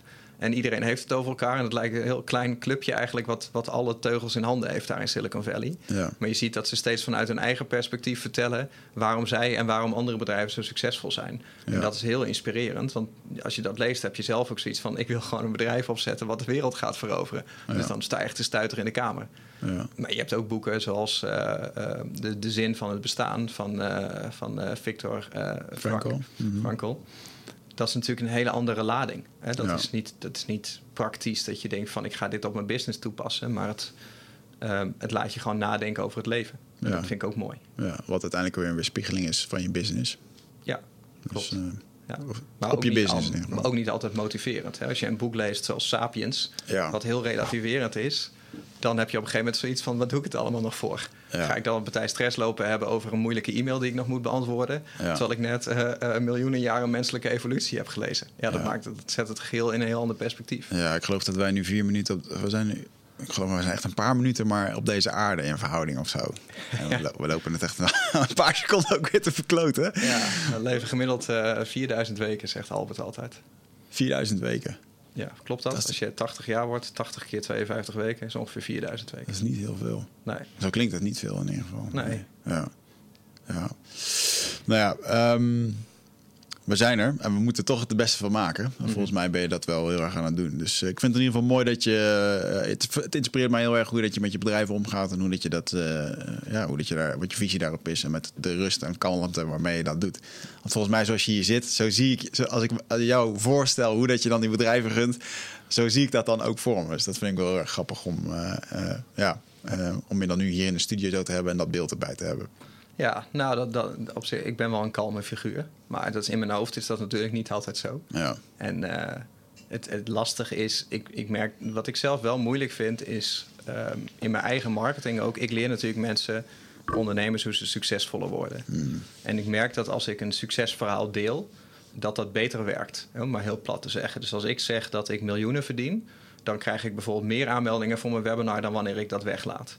En mij staat dat altijd heel erg tegen om dat soort dingen te zeggen. Ik ben echt anti-Amerikaanse. Qua marketing kun je, kun je het niet krijgen. Ja. Uh, daar worstel ik ook vaak mee. Hè. Dus we hebben dan, ik heb Martijn als compagnon. Martijn is altijd heel erg van het uh, verkopen en mensen redenen geven om iets te doen, mensen overtuigen. En heel fanatiek, heel enthousiast. Um, en ik zoek het altijd meer in uh, de beïnvloeding. Van hey, ik wil iets online zetten en ik wil mensen daar zelf iets mee laten doen. Ja. Dus en ik zoek altijd wat meer de elegantie. En ik vind het lastig, eh, ook om daar een balans in te vinden. Dan denk ik, ja, elke keer als wij een succesverhaal delen, dan lijkt het alsof wij ook alleen maar succes behalen. Ja. En eh, dat is het natuurlijk niet. Hè. Wij hebben elke week uitdagingen en de afgelopen tien jaar zijn er natuurlijk hele moeilijke tijden ook geweest. Alleen daar heb je het niet de hele dag over. Want Ja. je wil niet de hele dag getroost worden voor hoe moeilijk je het wel niet hebt gehad. Of dat je een soort van toestemming voor je succes vraagt. Dus dat laat je een beetje weg. Terwijl dat eigenlijk waardevoller is om te delen. Ja. En, en de meeste ondernemers zijn er meer bij gebaat hoe je van, van 0 naar 1000 euro gaat. dan hoe je van eh 1000 euro naar een miljoen gaat, bij wijze van. Ja. Dus dat, dat is altijd lastig. Ja, interessant. Wat, eh, wat brengt de toekomst nu voor je? Wat, eh, want je zit er nu meer in als een, uit een investerend oogpunt. Wat, wat ga je de komende jaren doen, denk je? Waar ga je op focussen? Ehm, nou, meer die investeerdersrol uitdiepen. Hè, dus ik heb nu ehm, de IMU eh, is er nog steeds. En eh, daar ben ik dus gaan samenwerken met Martijn. Nou, die, eh, die neemt steeds meer de leiding over. Wordt ook steeds meer het gezicht van de IMU. En dan hebben we de softwarebedrijven die daaronder hangen. Hè, dat waren vroeger producten van de IMU. Maar we hebben de ontwikkelaars die die producten hebben gebouwd. Die hebben we de mogelijkheid gegeven om in te stappen als partner. We noemen dat wel eens de gouden handboeien. Hè? Als je zeg maar twee ontwikkelaars hebt die een systeem hebben gebouwd... die je echt niet kwijt wil raken... Ja. Ehm, dan kan je ze ook gewoon mede-eigenaar maken van je bedrijf. Ja. Want dan, dan lopen ze ook niet weg en dan heb je ze ook nog eens beloond. Klinkt heel raar, Ja, maar, zijn we het- altijd heel open iedereen over. is erbij gebaat uiteindelijk. Ja. Ja, ik heb gemerkt dat elke keer als ik iets deel... dus eigenlijk elke keer als ik aandelen afsta... dat mijn bedrijf daar groter van wordt en dat ik vrijer word. Mhm. en, en dus, dus ik groei elke keer als ik iets afsta. Dat is eigenlijk heel paradoxaal. Ja. Ehm, maar het, dat heeft er wel in geïnvesteerd dat die bedrijven nu gerund worden, steeds door één of twee uitvoerende personen die echt met het product en met alleen dat bedrijfje bezig zijn. Ja. Bedrijfje, dat bedrijf, Gewoon bedrijfje. mag laser ik nooit focus. zeggen. Ja, en, en, en daar hangen nog wat andere bedrijven omheen. En ik merk nu, ik ben nu de eerste participaties gestart, waar ik echt als investeerder instap. Dus ik heb samen met mijn broer heb ik een investeringsmaatschappij gestart. Mhm. Eh, hij heeft een aantal administratiekantoren, dus hij komt vanuit die kant, financieel juridisch. En ik kom dan vanuit de marketingkant. Ja, tof. En dan investeren we in bedrijven met geld of met kennis of met ons netwerk. Eh, voor een minderheidsbelang. En, en dan zijn we meer de, de coach in de rol, degene die alles faciliteert. En ik vind Ja. dat gewoon heel erg leuk. Eh, want daarmee heb je ook niet de fout dat je van begin af aan in het bedrijf gezogen wordt. Hè? Mhm. Dus je gaat niet in de klantenservice, je gaat niet in de uitvoerende taken, maar je, je coacht alleen en je stelt resources ter beschikbaar. En dat vind, ik een hele, dat vind ik een hele fijne vorm. Geeft er heel veel rust, heel veel vrijheid. En Mhm. ik merk dan dat ik meer thuis kan zijn, dat ik meer tijd heb. Eh, meer tijd om gewoon mooie dingen te maken. Hè? Dus boeken schrijven, boeken lezen, gewoon eh, dingen creëren waar, waar ik echt de tijd voor heb. Ja. De artiest zijn. Ja. Dat komt nu weer omdat ik dus eh, kan investeren. Ja. Blijf je, als het gaat om boeken schrijven, altijd in de online marketingkant hangen? Nee. Nee, ik vind. dat klinkt misschien heel raar, want dat online marketing is in Nederland misschien wel synoniem met, met hoe mensen mij kennen. Maar online marketing is niet mijn passie. Ik ben daar ook maar ooit ingerold. Eh, ik sta bekend als een zoekmachine-optimalisatie-specialist, omdat ik daar een boek over heb geschreven. Ik vind het vreselijk om het over zoekmachine-optimalisatie te hebben. Dat is echt mijn vak niet. Ik kan, ik kan het wel, maar er zijn heel veel mensen in Nederland die daar veel beter in zijn dan ik. Ja. Maar die hebben daar toevallig niet een boek over geschreven. Dus Ja. daarom denken mensen dat ik daar de beste in ben. Als ik dat zo mag zeggen. En dat is niet per se zo. En is ook niet mijn passie. Ik, mijn passie ligt bij eh, psychologie. En met name gedragspsychologie. Dus, dus ja, ik heb dan die podcast samen met Albert... waar we het gewoon zonder commercieel belang... waar we het gewoon over psychologie hebben. Ja. En dat vind ik heerlijk. Dat is echt een feestje voor ons beiden. Ja. Want Dat, dat, dat is waar onze kern zit. En ik vind het ook heerlijk om die psychologie toe te passen in de bedrijven, in de marketing. En om, als ik het uitleg, om mensen de psychologie achter de marketing uit te leggen. Ja. Maar marketing en sales zelf, dat is, dat is niet mijn vak. Dus ik zou het ook helemaal niet raar vinden als er een tijd komt dat, ehm, dat er bijvoorbeeld een IMU is waar, eh, waar niet ik op het podium sta. Hè? Of eh, waar ik het überhaupt nooit over online marketing heb. Dat zou Ja. mij ook een hele aantrekkelijke gedachte lijken. Ja. ja, het is wel mooi als je dat zo eh, los kan laten, inderdaad. Ja. is, de, is de grote missie dat je uiteindelijk misschien door zou gaan in het stukje psychologie, psychologie persoonlijke ontwikkeling? Dat je die hoek uitneigt? Of een uitstap in maakt? Ja, maar, maar, dat- maar, dat, maar dat zegt niks over de toekomst. Ik heb ervaren dat, ehm, eh, dat ik vroeger vond ik het fantastisch om, eh, wat ik vertelde, om een business in mijn eentje te hebben. Mhm. En hij had zoiets van: ik wil nooit een team hebben, ik wil geen mensen om me heen hebben, want als ik ergens een hekel aan heb, dan zijn het dan andere mensen. Ik ben gewoon heel erg op mezelf. Ja. En toen ik een team ging bouwen, toen werd eh, cultuur bouwen, vond ik ineens het mooiste wat er was. Ja. Hè, dus we hebben allemaal toffe dingen gedaan. Met, we zijn met z'n allen naar Tony Robbins geweest met het hele bedrijf. Date with Destiny vijf dagen lang. En we zijn met z'n allen tien dagen naar California geweest. En we hebben echt een cultuur gebouwd waar we nu waar ik heel om, erg om geïnterviewd word met hoe ik die cultuur heb gebouwd. Terwijl in de kern uh, ja, is dat niet, dat is niet hoe ik begonnen ben, ja. hè, waar ik weerstand tegen had. En nu zie ik dat bijvoorbeeld Martijn daar beter in is om dat uit te bouwen. Ja. En dus, dus trek ik me daaruit terug en geef ik hem daar de ruimte, of hij pakt die ruimte. en ik merk dat ik nu weer andere dingen leuk ga vinden. Dus het kan best wel zijn dat ik over twee of drie jaar er weer heel anders in sta. En misschien wel weer een hele andere passie heb ontdekt. Ja. dus het is toch. Uh, ik denk ook niet dat een passie per se vaststaat. Een passie is gewoon uh, wat, je, wat je ervaart. Ja, in dat moment. In dat, mag ook veranderen. Ik denk dat het ook gezond is. Dat is de groei. Super inspirerend, man. Uh, we hebben twee uur volgekletst. Oh, zijn dus, uh, kunnen nog wel twee uur als je wil. Daar komt de volgende. Maar we moeten het een beetje gaan afronden. Uh, ik wil je in ieder geval bedanken dat je hier bent geweest. Super inspirerend wat je allemaal doet. Uh, mensen gaan naar, nou ja, ik zou zeggen, ga even naar de website van Eindbazen. Daar kan je, kan je via onze link kan je dit boekje bestellen. Boekje, dit boek, de Bijbel, de online marketing tornado. Daarmee support je ook een beetje het Eindbazenkanaal. Dus uh, uh, heel graag. Het is een fantastisch boek. En uh, voor de prijs hoef je het zeker niet te laten. Um, wat heeft het je tot nu toe opgeleverd, dit boek? In de zin van, je hoeft het niet in bedragen te vertellen, maar de lancering van dit boek. Wat, wat heeft het gedaan? Wat nou, heeft het gebracht? Qua, qua bedragen niet zoveel. Nee. daar, hebben, daar hebben we moeten inleveren omdat we wat foutjes hadden gemaakt. We hadden per ongeluk 1200 bestellingen, hadden per ongeluk een, een, twee boeken toegestuurd. En wij hadden die kostprijs natuurlijk precies op de kostprijs gebaseerd. Mhm. Dat betekent als je 1200 boeken te veel verzendt, dan kost dat dus 12.000 euro. En uh, dat is wel een soort van, zeg maar, de marge die er was om te spelen, die is dan wel weg. Dus ja. uh, financieel, financieel gezien hebben we er niks op verdiend. Uh, maar we hebben wel gezien dat we hebben daarna een hele challenge online gedaan, Tornado Challenge, waar we mensen echt mee hebben genomen in deze stappen. Ja. En daar de mogelijkheid gegeven om met onze software aan de slag te gaan. Ja. Um, en die zijn we nu ook aan het lanceren als afsluiter. En er zijn echt nu al iets van 400, 500 mensen ingestapt in die softwarebedrijven. Mooi man. En dat zijn voor ons is dat natuurlijk een enorme groei. Ja. Zeker ook omdat we net zoveel nieuwe mensen hebben aangenomen, is dat voor ons eigenlijk alles komt ineens samen. Ja. Dus, uh, dus dat is een, uh, een, grote stap geweest. Mooi man. Ja. ja. leuk, leuk om te zien. Mooi als voorbeeld ook. Om, uh, en ook mooi, ja, heel de, mooi om te zien hoe je de hele pro, de, de lancering rondom dit hebt gedaan. Daar, uh, daar werd ik warm van. Dus uh, leuk. Complimenten daarvoor. Dankjewel. Tony, dankjewel. Uh, luisteraars, dankjewel. Abonneer je eventjes bij ons op Instagram, Facebook. Ehm, geef je op voor de e-maillijst. Want daarin krijg je tips en allerlei rituelen voor succes toegemaild. Die niet beschikbaar zijn voor het grote publiek. Dus die vind je alleen daar. Geef je daar eventjes op. En dan zie ik jullie gewoon weer een volgende keer. Dankjewel.